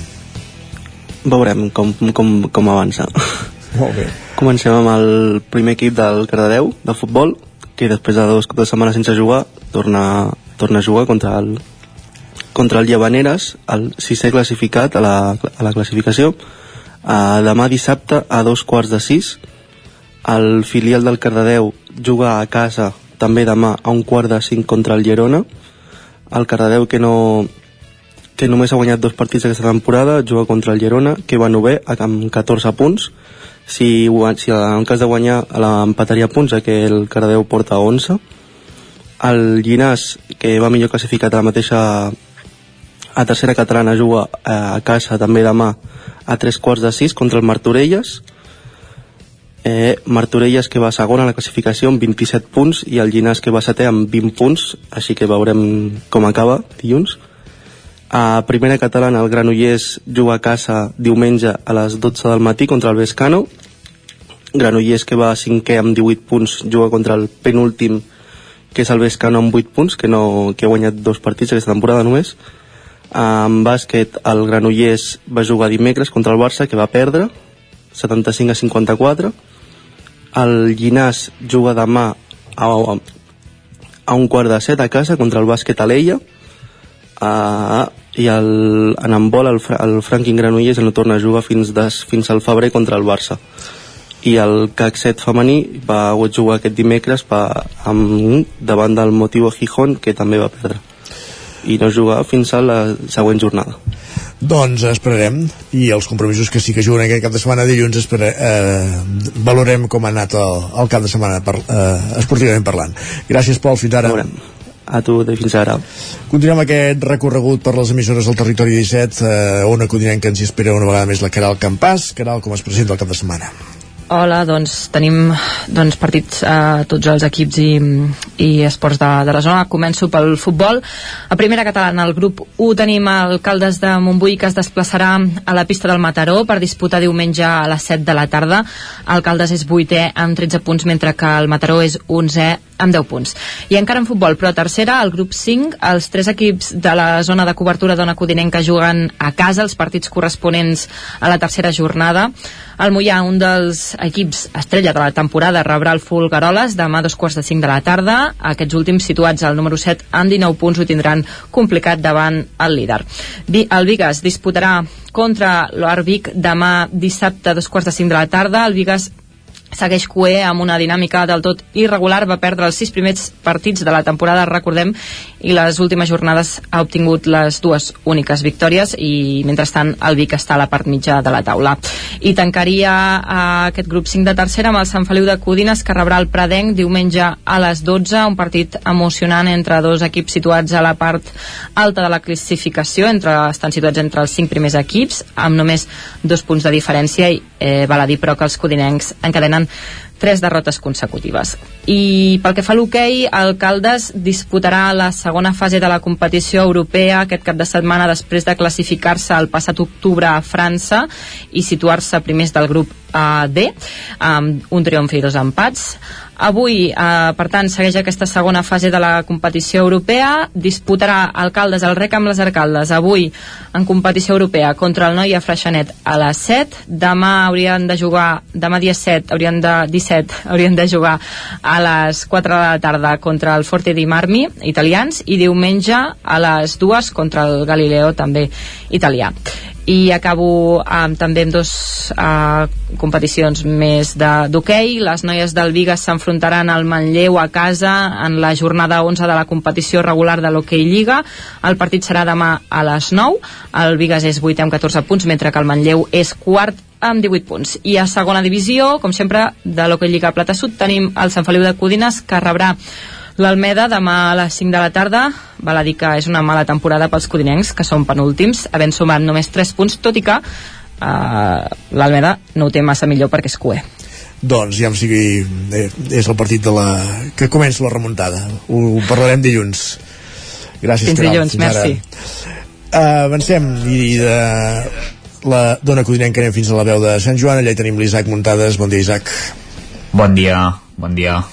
com es presenta el, en els esports del Ripollès aquest cap de setmana Bé, no, no necessitem gaire remuntades perquè realment els equips del, del Ripollès en aquest cas sí que, que van, van bé. Fan els deures. Eh, Sí, fan bastant els deures, n'hi ha algun que no tant, però la majoria sí. Uh, comencem pel futbol aquesta setmana anant al grup 18 de la tercera catalana, perquè doncs, els tres equips ripollesos de la categoria tenen tres rivals molt, dur, molt durs de pelar. Sense cap mena dubte, el partit més atractiu és el que enfrontarà el líder de la categoria, que és l'Abadesenc. Com us deia, doncs, estan fent els deures. És uh, primer amb 27 punts contra el Fornells, que és el segon classificat, que també té els mateixos punts. Per tant, qui guanyi sortirà líder de, de Sant Joan de les Abadeses. El Fornells ara mateix porta 4 victòries seguides i els Sant Joanins 6 partits sense perdre, en què acumulen 5 triomfs, i aquest partit serà aquest dissabte a casa de l'Abadesenc a les 4 de la tarda, per tant un duel d'alt voltatge el que enfrontarà el primer contra el segon classificat. Mateixa hora i mateix dia pel partit del Camp de Bànol, que estarà molt pendent d'aquest maig per veure si es pot acostar una mica més al capdavant de la classificació. Els candanolencs jugaran contra el Font Coberta, que és sisè a la taula amb 19 punts, ja ha perdut els últims dos partits com a visitant, això sí té un partit eh, menys, els del Pla de l'Estany, i per la seva banda el Nou porta dues victòries consecutives i ja cinquè amb 21 punts. També juga a la mateixa hora i al mateix dia al Camprodon, que rebrà el Sant Pons, el tercer classificat de la Lliga amb 22 punts i que ha guanyat 4 dels últims 5 partits, de fet només va caure amb el Camp de Bànol i els camprodonins no acaben d'arrencar el vol. Es, potser són els que sí que els hi falta una mica remuntar el vol i són desens amb, amb 15 punts i són els reis de l'empat perquè en porten 6 aquesta temporada i no guanyen des del 29 d'octubre porten 3 empats i dues derrotes des de llavors i hauran d'espavilar si es volen enganxar a la part mitjana alta de la classificació.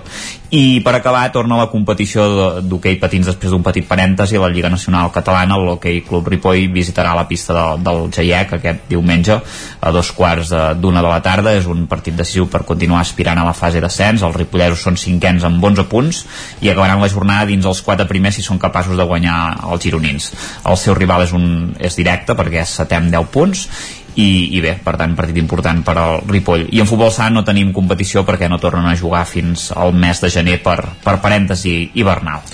No marxis, Isaac, un moment encara. Guillem Sánchez, estudis del 9FM, bon dia. Bon dia, què tal, com Què estem? reies quan dèiem això, que els No, que no pot- del, Ripollès, del Ripollès estan fent els deures? No, no, no, uh, reia perquè dic, ostres, qui vulgui seguir els partits dels equips del Ripollès s'ha de partir amb 3, perquè no pot ser que juguin tots Sí, di- sí, dissabte sí, a les sí. 4. Això ho vam comentar ja l'última setmana que, que s'han posat d'acord, a més els hi toca tots sempre el, el dissabte i juguen tots als 4 de la tarda. El Camprodon van jugar diumenge, em sembla, no sé, no sí, sé diumenge a quarts de 5 i, i es, va, Sí. es, es va canviar. Bé, Ara, doncs... ara que us tinguin tots dos aquí, que sou homes de futbol tots dos, va, eh, porra per la final Argentina. de, por- porra per la final de Argentina. diumenge, va. L'Argentina i en Sánchez... El, el cor diu Argentina. El cor diu Argentina. I el resultat? Uh, 1 a 0. 1 a 0 gol de Messi. Isaac. Uh, Croàcia. No, jo, jo, volia, jo, volia, jo volia que guanyés Croàcia, no vull que guanyi cap dels dos. Jo crec que guanyarà França, uh, però no, cap dels dos. És que no sé quin equip uh, ho diu no, més. no, no et demano qui vols que guanyi, dic, qui, demano qui guanyarà. Sí, sí, no, qui guanyarà crec que guanyarà França. Sí, sí, segur. Perfecte, diu que ara hi ha tres jugadors afectats per no sé quin virus, eh, també? El, el virus, del, el virus del camell. Sí. No, no sé quin camell es tracta, eh? Veurem com evoluciona. Si el del desert o un altre. Bueno. Doncs diumenge ho veurem, dilluns en parlarem. Gràcies, Isaac. I ens quedem amb en Guillem. Adéu. Adéu, fins ara. Com dèiem, ens quedem amb en Guillem Sánchez per parlar de l'agenda esportiva dels equips de la comarca d'Osona. Tenim, tenim tres minutets, va. Va, doncs vinga, comencem pel tenis taula perquè és una cita que té lloc avui mateix eh, divendres a les 7 de la tarda. El primer equip femení del Girbau Vic Tenis Taula rep el líder actualment de la, de la Lliga, que és l'UCAM Cartagena i actual campió també de la Copa d'Europa i de fet hem de dir que no ha perdut encara cap partit a la Lliga de Tenis Taula d'aquesta temporada, per tant un duel molt important i molt complicat alhora per les noies del Girbau Vic de tenis taula. Recordem avui a les 7. També a la mateixa hora, però al pavelló de Sant Hipòlit de Voltregà, qui té partit de Europe Cup és el Club Patí Voltregà masculí que s'enfrontarà a l'hoquei Bassano italià, una jornada de la ronda classificatòria al grup B d'aquesta competició europea que també seguirà el diumenge amb un segon partit dels voltreganesos contra el Dinan Quebert a partir de les 3 de la tarda. Per tant, doble cita pel Voltregà, que llavors el partit de Lliga el jugarà entre setmana, concretament el dijous. De fet, Isaac, si volem veure hoquei patins eh, no en podem veure cap més partit a la comarca d'Osona aquest cap de setmana perquè la resta, la resta juguen tots a, a fora. En aquest cas de l'hoquei lliga femenina com dèiem el Voltregà eh, es desplaça a la pista del Palau de Plegamans demà a les 8 del vespre i com escoltàvem també el Martinelli Manlleu jugarà dissabte a les 9 a la pista del Vigues i Riells. I en el cas de l'hoquei lliga plata el grup nord, el Taradell té partit contra l'Oviedo demà a les 8 del vespre el Martinelli a Manlleu, el grup sud, juga també avui a tres quarts de 10 de la nit a la pista de l'Alpicat i el Club Patí Vic intentarà obtenir una nova victòria eh, demà a partir de les 7 de la tarda a la pista de l'Espanyol. Parlem de futbol? Parlem de futbol, va, ràpidament a tercera català, ai, tercera federació, perdó, el Tona juga diumenge a les 12 del migdia al camp del Badalona, un dels equips que està en zona de descens ara mateix, i s'ha de destacar el grup de la primera catalana, el derbi que jugaran demà a les 4, el Vic i el Manlleu, El és un dels molts derbis de- d'aquesta temporada, Uh, per tant, tothom citat uh, a les 4 de la tarda a l'Hipòlit Planàs de, de Vic. El Torelló Dissabte per també a les 4, eh? Dissabte a les Amb els 4, tres tot, tot dissabte a les 4. Molt bé. Uh, el Torelló, per la seva banda, jugarà el diumenge al migdia a les 12 al camp del Mollet. I, de fet, aquest no serà l'únic derbi del cap de setmana, perquè a la primera divisió femenina també hi ha un Fundació Vic contra el Torelló dissabte a les 6. Molt bé. Per tant, qui vulgui pot seguir partit a les 4 i llavors a les, a les 6 el Vic Riu Primer de Nacional juga dissabte a les 6, com dèiem, a casa contra l'Egea i també en bàsquet destacar el partit del Club Bàsquet Vic a fora a un quart de set demà a la pista del quart. Doncs és tota l'agenda esportiva del cap de setmana pels equips del territori 17. No és pas poc, perquè doni tot tots els partits que hem repassat entre uns i altres. Dilluns explicarem com han anat els resultats. Gràcies, Guillem. Que vagi molt bé. Bon dia. I ara sí, nosaltres el que fem és una petita pausa i ja ens espera en Jaume Espuny amb un disc sota el braç. Avui, alerta, eh? Paraules majors. Credence, Clearwater, Revival. Pausa i tornem. El nou FM, el nou FM. Per a qui seria perfecte aquest piano de juguetos? Per a nens que donin la nota. I aquest maletí de pintura? Pels que volen pintar alguna cosa a la vida. Jugar és viure i viure és jugar. Vine a la teva botiga Juguetos i emporta't el catàleg de Nadal. Juguetos, queda molt per jugar. Juguetos. Passema, comercial de maquinària i utillatges amb més de 50 anys al vostre servei. Visiteu la nostra botiga i trobareu productes de gran qualitat. Passema, som al polígon Sot dels Pradals, al carrer Cervera 10 de Vic. Telèfon 93 885 32 51. Us desitgem bones festes. Has esperat que arribi el fred per comprovar si et funciona bé la caldera? No pateixis, a Casa Jové som especialistes en manteniment, reparació i revisió d'equips d'aigua calenta i calefacció, tant en l'ambient domèstic com industrial. Si tens una avaria, no ho dubtis. Som Casa Jové. Ens trobaràs al carrer Girona, número 9 de Vic, i al telèfon 93 886 1596. Casa Jové, el teu servei tècnic de confiança. Ja sé com vull el nou bany. Blanc, d'estil mediterrani, fresc i funcional. Ara que també podríem aprofitar per canviar el terra del pis. Fa tant de temps que el vull renovar. A Corretja trobem el bany que millor s'adapta a tu. I si t'animes, trobem el que millor li queda a la resta de la teva llar. 100% bany. 100% Corretja. A Corretja tenim tot el que necessites per renovar la teva llar. Materials per la construcció, revestiments, parquets, cuines, pintures. Al carrer Mas Vigues 8 de Vic. A corretja-sl.com o a Instagram. 100% materials per la construcció i la decoració. 100% Corretja. Corretja us desitja unes bones festes. Cocodril Club. Si t'agrada la bona música dels anys 60, 70 i 80, escolta el 9 FM als matins de dissabtes i diumenges d'11 a 1. És el temps del Cocodril Club, tot un clàssic de la ràdio, amb les bases del pop-rock, les llegendes, les cançons que s'han convertit en autèntics himnes. Recorda, dissabtes i diumenges al matí, d'11 a 1, al 9 FM 92.8. Cocodril Club, el programa revival de l'Albert Malla. Hasta luego. Bon dia, són les 9 al Territori 17. La Miquel Parella. Cada matí i durant dues hores t'acompanyem i et posem al dia de l'actualitat de casa nostra. Potenciant així l'autonomia En aquest cas me la té saltaler si no... Cursos per feminitzar el pensament masculí. Territori 17, el magazín matinal d'Osona, el Moianès, el Ripollès i el Vallès Oriental. Que la meva àvia de 93 el anys... 9 FM, el 9 TV, el 99.cat i també els nostres canals de Twitch i, I YouTube. demà per fer-se un tatuatge. Cada matí, Territori 17. Ole. Anuncia't al 9FM. La màquina de casa. 9 3 8 8 9 4 9 4 9. Publicitat arroba al 9FM.cat. Anuncia't al 9FM. La publicitat més eficaç. En punt, dos quarts d'onze al Territori 17. Clàssics musicals.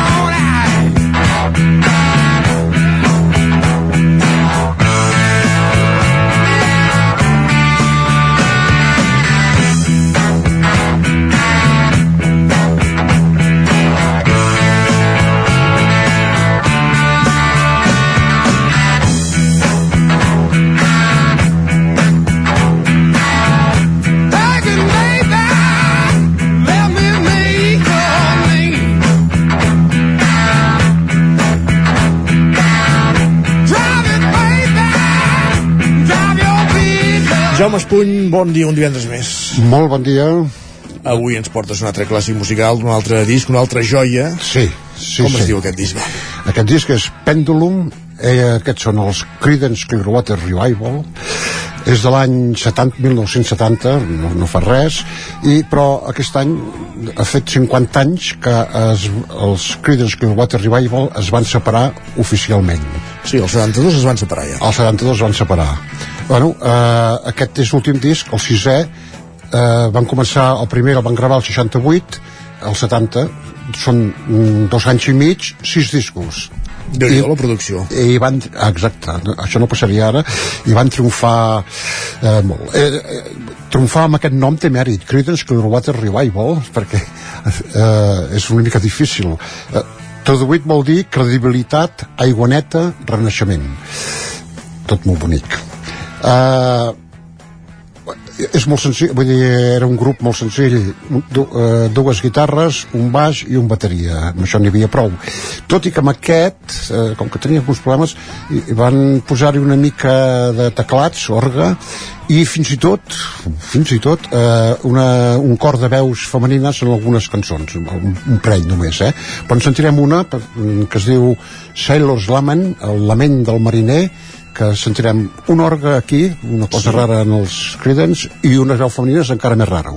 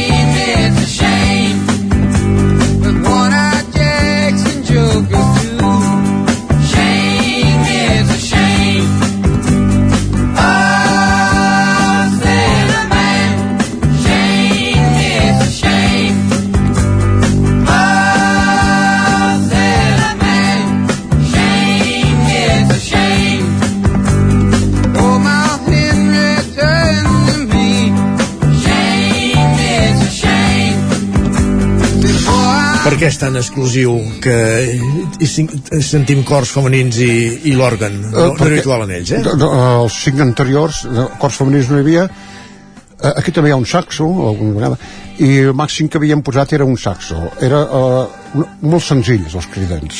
Dues guitarres, un baix... Però resultons, Sí, sí. Van triomfar molt, eh? Vull dir, cada, cada disc, el primer no, encara eren poc coneguts, però després cada disc el número 1 de vendes, etc. Eh? He fet una mica de trampa, eh? He dit que era l'últim disc, i no és ben bé així perquè l'any 72, abans de separar-se van gravar Mardi Gras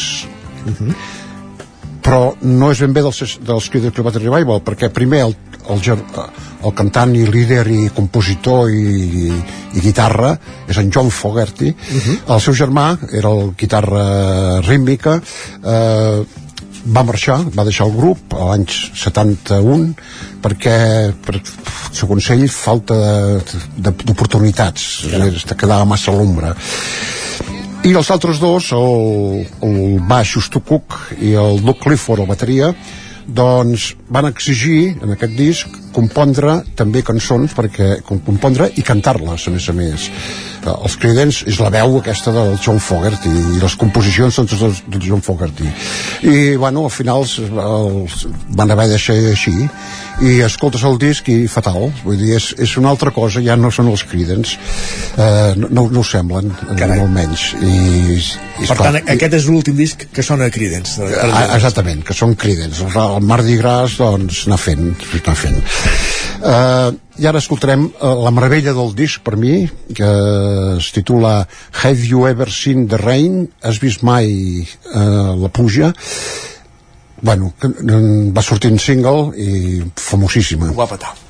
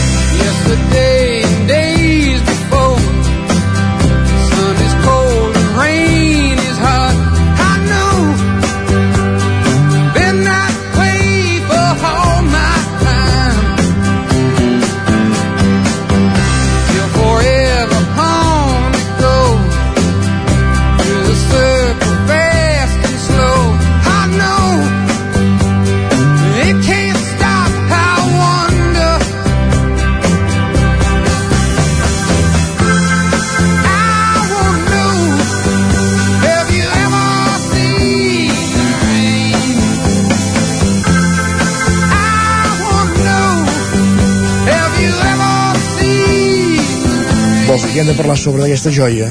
Sí, és molt maca aquesta cançó. I sona el Hammond també aquí, eh? Sí, Veus que no sí, sí, el sí. teclat, aquí sí. L'orca, eh, exactament, sí, sí.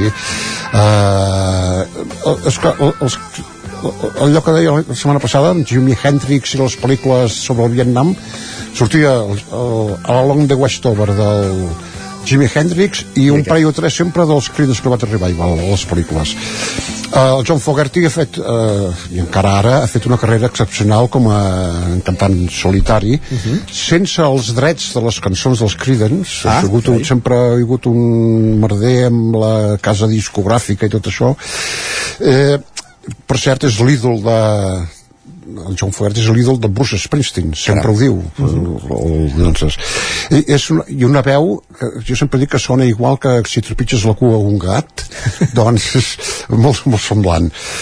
I també és molt, va influir molt el bateria, el, el Doug Clifford, perquè és una bateria molt senzilla i era bàsic, molt bàsica i els que volien aprendre a tocar la bateria, doncs tu, els Creedence, a veure com sona això.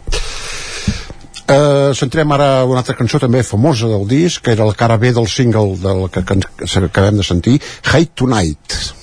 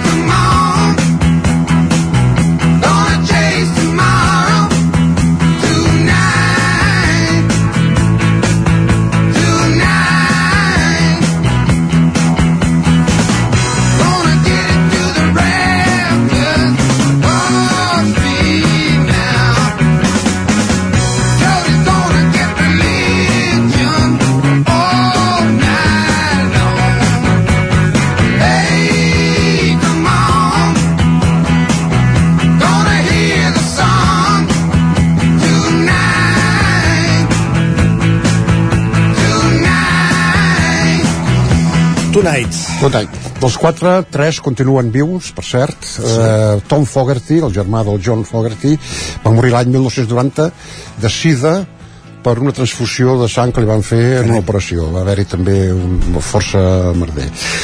I aquests són els crítics que va arribar al que a mi som, m'en- tinc els sis discos allà a casa i m'encanten. Per acomiadar-nos en posarem una que té un nom castellà, Molina,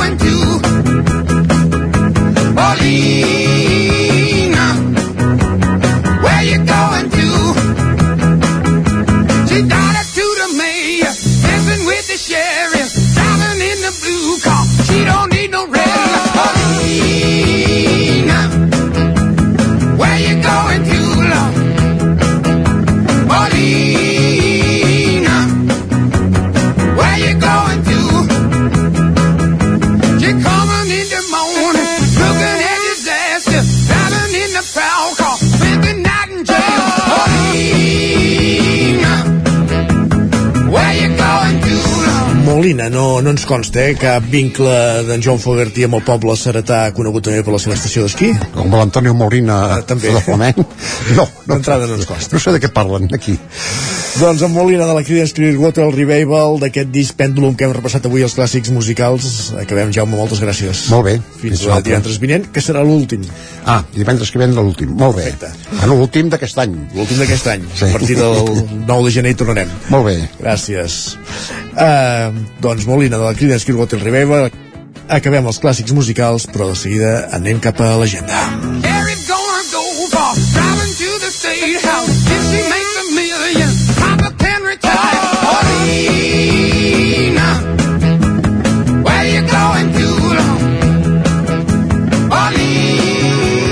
Territori 17. El 9 FM, la veu de Sant Joan, Ona Codinenca, Ràdio Cardedeu, Territori 17.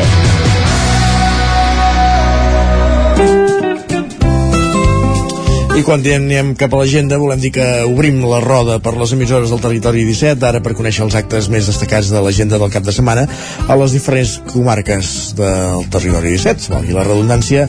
Pol Grau, Ràdio, Pol Grau, Ràdio i Televisió de Cardedeu, diguem-ho bé. Benvingut de nou. Com tenim l'agenda per aquest cap de setmana? Tenim... anem a veure. Comencem a, amb avui divendres 16 de desembre, on tenim un nou a la plaça dels Contes, on per grans i petits podran compartir contes, records, llegendes i anècdotes, acompanyat de cafè, te i xocolata, de 5 a 6 al carrer Hospital i 3 a Uller. Eh, aquest cap de setmana tenim els pastorets, demà dissabte a les 5 de la tarda i diumenge 18 tenim dos, do, a les 11 del matí a les 5 de la tarda amb una durada d'uns 120 minuts eh, i un preu de 6 euros. Demà dissabte tenim el 40è aniversari del Mercat de Cardedeu on prepararan una nit de tapes de, de 7 a 11 de la nit. Podreu disfrutar de, de tapes que preparin a les diferents botigues del mercat amb un preu, eh, el preu del tiquet és de 8 euros on inclou 9 tapes i dos begudes i hi haurà la Lola Band DJ Track per posar música d'ambient diumenge al matí tindrem la segona caminada pels voltants de Cardedeu a, a carrer del Banc del Temps de Cardedeu. Eh, serà és sense inscripció i lliure per qui vulgui anar. Eh, només t'has de presentar a les 10 del matí a la plaça Sant Joan que és la de l'Ajuntament diumenge també tenim a, a un quart de dues del migdia a l'església de Cardeu tenim una cantada de Nadales per qui vulgui anar a escoltar-les. I a les, al Verdi, a l'Esbarjo tenim dues pel·lícules una, una pel·lícula i un curtmetratge.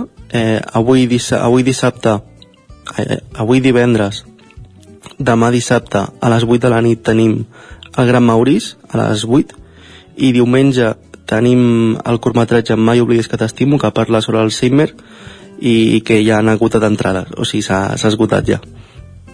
I també tenim l'he perdut. Ah, un, al Tarambana tenim un concert d'orquestra Firelush of Tastautors a, a les 6 i quart diumenge. I això és tot ja. Doncs moltíssimes gràcies, Pol. Bon cap de setmana. bon cap de setmana Continuem aquest recorregut per les emissores del territori 17, ona codinenca que era el campàs. Hola, bon dia. Uh, mira, aquí tenim pf, moltes, moltes, moltes activitats a tot arreu. Uh, I, però bé, Sobretot lligades amb el marató, moltes d'elles també. Sí, força, i també de, Nadal, vaja, uh, si us les relatés tota podria ben bé estar mi mitja hora. us, us diré les que, bé, les que em semblen més interessants. Mira, començo per Caldes de Montbui. Aquí tenim doncs, un cap de setmana, com et deia, farcit d'activitats, també, com comentaves, la, la marató. Concretament, la marató serà uh, diumenge de dos quarts de nou del matí a les dues, a la plaça de la Font del Lleó hi haurà doncs, moltíssimes coses, balls, animació infantil, xocolatada, exhibició de les escoles de dansa, tallers, eh, actuació dels castellers, tot això a Caldes. Eh, també aquest eh, dissabte a Caldes de Montbui eh, es fan catifes de flors de Nadal eh, de 10 del matí a 6 de la tarda a les termes romanes a càrrec d'Acció Cívica Calderina. També es farà cagar el tió a la plaça de Can Rius eh, a les 11. Més tard, eh, a la tarda, a les 5 hi ha sessió de, de rialles al conte de Nadal amb Titelles Vergés a la sala gran de, del casino, una proposta doncs, teatral infantil. Uh, més tard, a les 6 de la tarda, també dissabte, tenim masterclass de, de Zumba i potser, bé, per, pel meu perfil de, de gustos, l'acte més interessant de, de tot el cap de setmana és el cicle de monòlegs d'humor que fan al Casino de Caldes, que de fet van començar el mes passat i que en principi han de repetir un cop al mes. Uh, L'han titulat Nit d'humilies i aquest dissabte a les 8 del vespre aquest, aquesta sessió de monòlegs comptarà amb Marc Serrats, Marta Bosch, Raquel Herbàs i Godai Garci Garcia. Uh, serà a les 8, uh, com us deia, al Casino de Caldes, uh, però una hora abans ha que diuen happy hour, que hi ha cervesa a un euro. Ah, I bé. les, sí, les eh? Exacte. Les entrades es poden adquirir a, a taquilla al Casino de Caldes o bé per internet al web de, del casino també. Me'n vaig a Vigues, aquí tenim una proposta cinematogràfica eh, avui mateix a partir de dos quarts de nou del vespre al Teatre Auditori Polivalent La Voluntària en el marc de, del cicle Gaudí després La vaig dissabte veure eh? no, no és gaire i què recomanable, tal? però vaja. No, vaja No, no em va acabar d'entusiasmar, però bé, gustos. Bé, Doncs, mira, com et deia, a Fira de Santa Llúcia de Vigues, aquest dissabte de 10 del matí a les 8 del vespre a la plaça Miquel Bosch tot de doncs, paradetes, també hi haurà la inauguració del pessebre monumental a les 10, hi haurà tallers infantils, actuació de les escoles de, de dansa i, i altres propostes. Me'n vaig a Sant Feliu de Codines. Aquí tenim um, Fira de Nadal, Casa del Pare Noel i activitats nadalenques, tot plegat aquests dies. La Casa del Pare Noel estarà, està oberta avui, demà, tot el dia i diumenge al matí. Uh, avui mateix també a les 5 de la tarda s'inaugura la Fira de Nadal i tot seguit l'encesa de les llums de l'arbre de la plaça. Hi haurà parades també de Nadal durant tota, tota la tarda i bé, altres, altres propostes com per exemple diumenge a les 12 al centre cívic concert de Nadal amb la coral La Poncella. Um, acabo Sant Feliu de Codines i després enceto Moianès ràpidament. Aquí Sant Feliu aquest dissabte tenim una proposta més esportiva organitzada per Motoclub Cingles de Bertí 3 hores de resistència al quilòmetre 19 de la C59 eh, doncs hi haurà bé aquestes motocicletes fent aquesta exhibició a eh, Memorial Miquel Aibar a Motoclub a Cingles de Bertí i al Moianès tenim també molta cosa Ràpidament, Eh, doncs, va. Val, doncs mira, per exemple, Fira del Tió i Mercat del Trasto a Mollà, aquest diumenge, tot el matí al Parc Municipal. Eh, també a l'estany, doncs, Cagatió aquest diumenge, carter... Eh, perdó, Cagatió aquest diumenge. Eh, després, i acabaria, sí, acabo, amb, amb dues propostes de pessebres. Una a Mollà, eh, que es poden veure pessebres a la plaça de Sant Sebastià eh, fins, al, fins al dia 8 i l'altra a Castellterçol, que és molt mítica també, que es poden veure doncs, l'exposició de, de diorames a càrrec de l'agrupació de passebristes de Castellterçol durant tots els dissabtes, diumenges i tots els festius. Gràcies, Caral. Bon cap de setmana. I continuem aquest recorregut. Ara anem cap a la veu de Sant Joan. Isaac Muntades. Bon dia. Bon dia. De nou. Tu diràs. De nou. Doncs mira, eh, tenim bastantes activitats aquest cap de setmana. Ja des d'avui divendres, des de les 4 de la tarda i fins diumenge, Camprodon tindrà lloc el Camprodon Winter Show amb un munt d'activitats especialment dirigides a les persones que practiquen doncs, alpinisme, muntanyisme i l'esquí de muntanya. Eh, a dos quarts de sis ens traslladem a Ripoll a la Biblioteca Lambert Mata una partida popular de Tragina, el nou joc de taula creat per la ripollesa Irma Darner, que ja n'hem parlat i que cal inscripció prèvia o tru trucant o enviant un mail a la biblioteca. Uh, i després una proposta musical a dos quarts de deu al Casino de Canano de Swing Boy Jazz Quartet en Sofia Allen estaran al casino per a oferir el concert de Nadal. També demà dissabte a Sant Pere d'Uira Can de Bànol eh, cantada de, de Nadales amb una pujada a peu i amb BTT des de les 9 del matí del passar mainada i esmorzar a les 10 del matí que cadascú se l'ha de, de portar. Uh, ens passem a Sant Joan de les Abadeses perquè de 10 a una eh, i de dos quarts de 5 a 6 a l'edifici de primària de l'Institut Escola Mestre Andreu. Hi haurà el 60è concurs de Nadal organitzat per la Unió Excursionista. Tampoc, també no ens movem de Sant Joan perquè hi haurà una xerrada d'emergència climàtica i crisi energètica a càrrec del físic i meteoròleg Ramon Pasqual, en què s'aprofitava per presentar la comunitat d'energia Sant Joanina i els projectes de producció fotovoltaica i autoconsum compartit, i a les 9 de la nit, evidentment, un dels plats forts, que és l'estrena al Teatre Centre de Roxy and Velma, el musical basat en Chicago, que també n'hem parlat a l'informatiu a càrrec del SAT Teatre Centre, que promet ser molt interessant amb més de 10 cançons i 70 persones implicades en l'obra. A Ripoll, el dissabte i també diumenge, de 10 del matí a 9 de la nit, mercat de Nadal amb artesania de proximitat a la plaça de l'Ajuntament, a les 12 del migdia a la plaça del Monestir Gimnàstica per la marató amb exhibició de l'Escola de, de Gimnàstica Artística de Ripoll amb una mostra d'acrobàcies a les 8 del vespre a la sala Bat Sant Just presentació del disc que estan per hores a càrrec de Ramon Alabau. I diumenge tenim el, un, quatre activitats molt ràpides a dos quarts d'una al matí al Palau de l'Abadia i dins de la programació del SET Teatre Centre. Concert, eh, dos estels de Nadal a càrrec de Laura Andrés i Marina Prades per tant una bona proposta musical. A les 6 de la tarda entrega de premis del, 60, del 60è concurs Nadales que hem comentat abans. I també a les 6 de la tarda pel Teatre Comtal de Ripoll concert nadalenc de sardanes amb la Copla la principal de la Bisbal i a Sant Pau de Segúries a les 10 del matí arrenca una marxa per carril bici seguida d'un vermut en una activitat per recaptar fons per la Marató Gràcies, Isaac. Bon cap de setmana, també. Bon cap de setmana. I acabem aquest recorregut a la gent dels estudis del 9FM en companyia de Miquel R i d'en Jordi Vilarrodà. Bon dia a tots dos. Molt bon dia. Molt bon dia. Qui comença?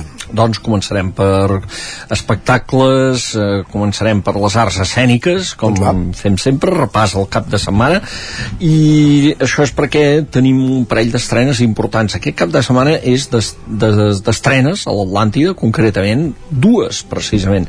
Comencem per la primera, la primera és avui que en Josep Maria Dieguez estrena l'obra eh, Via 870. És uh, Josep Maria Dieguez, dramaturg, conegut ja per moltes obres que ha fet, de Vic, eh, va guanyar amb aquesta obra un premi que és el Premi Ciutat de Manacor. L'any passat, eh, és un premi molt important de teatre a les Illes i diria que a nivell nacional el havia guanyat també entre altres en Josep Maria Miró. I aquesta obra, Via 870 això de la via és allò del Via Crucis. No sé si la gent que tingui referències religioses recordarà allò de la passió eh? Correcte, de Crist, allò anar seguint la passió de Crist. Doncs bé, això és la passió d'una persona que deu 870 euros i per aquest deute que sembla tan petit se li capgira la vida. I amb 14 escenes igual que el Via Crucis tenia 14 parts doncs també 14 escenes això ho posa en escena amb la companyia de teatre que va crear ell que és Cosmogonia Teatre. Avui a l'Atlàntida. Demà a l'Atlàntida.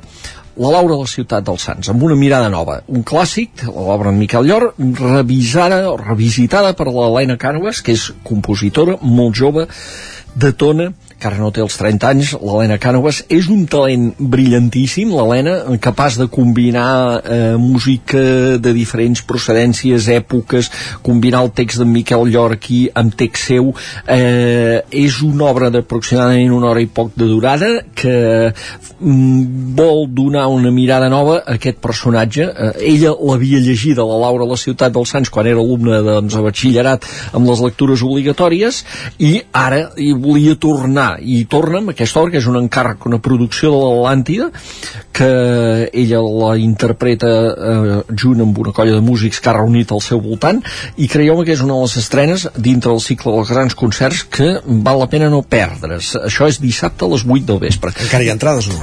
I encara hi ha entrades. Molt bé. I encara hi ha entrades perquè es fa a la sala gran de l'Atlàntida, en aquest cas. La sala Ramon Montanyà. I, i, i fem un repàs ràpid només perquè, Sí, perquè és un cap de setmana de molts concerts hi ha molts concerts a Nadal.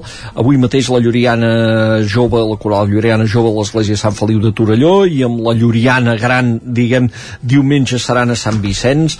Hi ha un altre concert interessant que remarcaria dels amics de Santa Llúcia de Taradell que la capella de Santa Llúcia portaran en Miquel Bonal que toca la viola de gamba sabeu allò de, eh, del, sí. de, de la viola de gamba del Savall? Doncs a més a més toca eh, Maren Marès que és el compositor que entre altres va fer famós el Savall i diumenge també un altre concert relacionat amb l'època el viatge d'hivern d'en Schubert interpretat pel baríton manlleuenc Ferran Albric i en Marc Serra al piano, això és el Casino de Vic a les 7 de la tarda setmana de concerts i segur que no els diem tots perquè No, n'hi deu haver més Però necessitem un minut i mig com a mínim per a Miquel que ens acabi de completar ja em aquesta agenda. greu deixar-li tan poca estona Això és el que em doneu, un minut i mig. Sí. Doncs uh, un minut i mig Per tant- resumirem, però que sapigueu que teniu un cap de setmana per, uh, que, que és un convit a sortir de casa i a disfrutar, sobretot això, eh? tenim un ambient aquí nadalenc i ple nadalenc que vessa per tots cantons. Eh, Destacats, qui tingui molta febre de pessebres, tres de potents uh, aquest cap de setmana que s'inauguren pràcticament a la, a mateixa hora, pot muntar un recorregut. Diumenge al migdia, Sant Pere de Torelló, Roda i Tavernoles, tres d'exposicions potents. En el cas de Roda, a més a més, coincideix amb la Fira Pont a Pont, que ja són 12 edicions, aquesta antiga Fira del Passebrisme que es va reconduir, a una fira que es desplegarà al voltant de la plaça Major tot diumenge al matí. Uh, més propostes plenament nadalenques. Qui tingui ganes de veure un espectacle uh, allò, recuperar la- la- la- l'ancestre gairebé la baixada de Teies a Gurb a partir de quarts de sis quan s'en- quan s'encenen des del cim i com arribaran fins a la plaça 1 d'octubre a partir de les 8 i llavors hi ha un, un sopar solidari. Més propostes, fires com la Fira de Taradell uh, la Fira de Taradell que viurà un preàmbul aquest divendres. Això ho han recuperat perquè és, és, és, és una iniciativa que ja remunta al segle XV que és un, un recuperar uns balls populars al voltant de, de la plaça Santa Llúcia aquest divendres ja dic al vespre però el, el cos principal de la fira serà diumenge per anar a treure també ambient a paradetes, productes de la terra al voltant de totes aquestes placetes de, del centre històric. Recordar a més a més dues fires eh, per prendre nota. La fira de la tòfona, a Centelles, tot el cap de setmana, amb la gastronomia al voltant de la tòfona com a gran protagonista, i la quarta edició d'una proposta d'aquestes també que ens agrada perquè lliga una mica amb els orígens de, del poble de Vall del Gès, que és la Fira Toca Fusta, a Torelló, també dissabte al migdia, al voltant d'aquestes 4 o 5 places també del centre, amb propostes una mica per, per, per, tot, per la família, però per, també per totes les edats. Doncs moltes propostes per aquest cap de setmana. Gràcies també, Jordi Miquel. Bon cap de setmana. Bon cap de setmana. I així acabem el territori 17 d'avui divendres, 16 de desembre de 2022. Us hem acompanyat des de les 9 del matí. Gemma Permanyer, Txell Vilamala, Guillem Freixa, Pepa Costa, Guillem Sánchez, Jaume Espuny, Caral Campàs, Isaac Muntades, Pol Grau, Jordi Vilarrodà, Miquel R, Sergi Vives i Isaac Moreno. I tornem dilluns. Territori 17, un magazín del nou FM. La veu de Sant Joan, Ona Codinenca i Ràdio Cardedeu amb el suport de la xarxa. Bon cap de setmana, adeu-siau.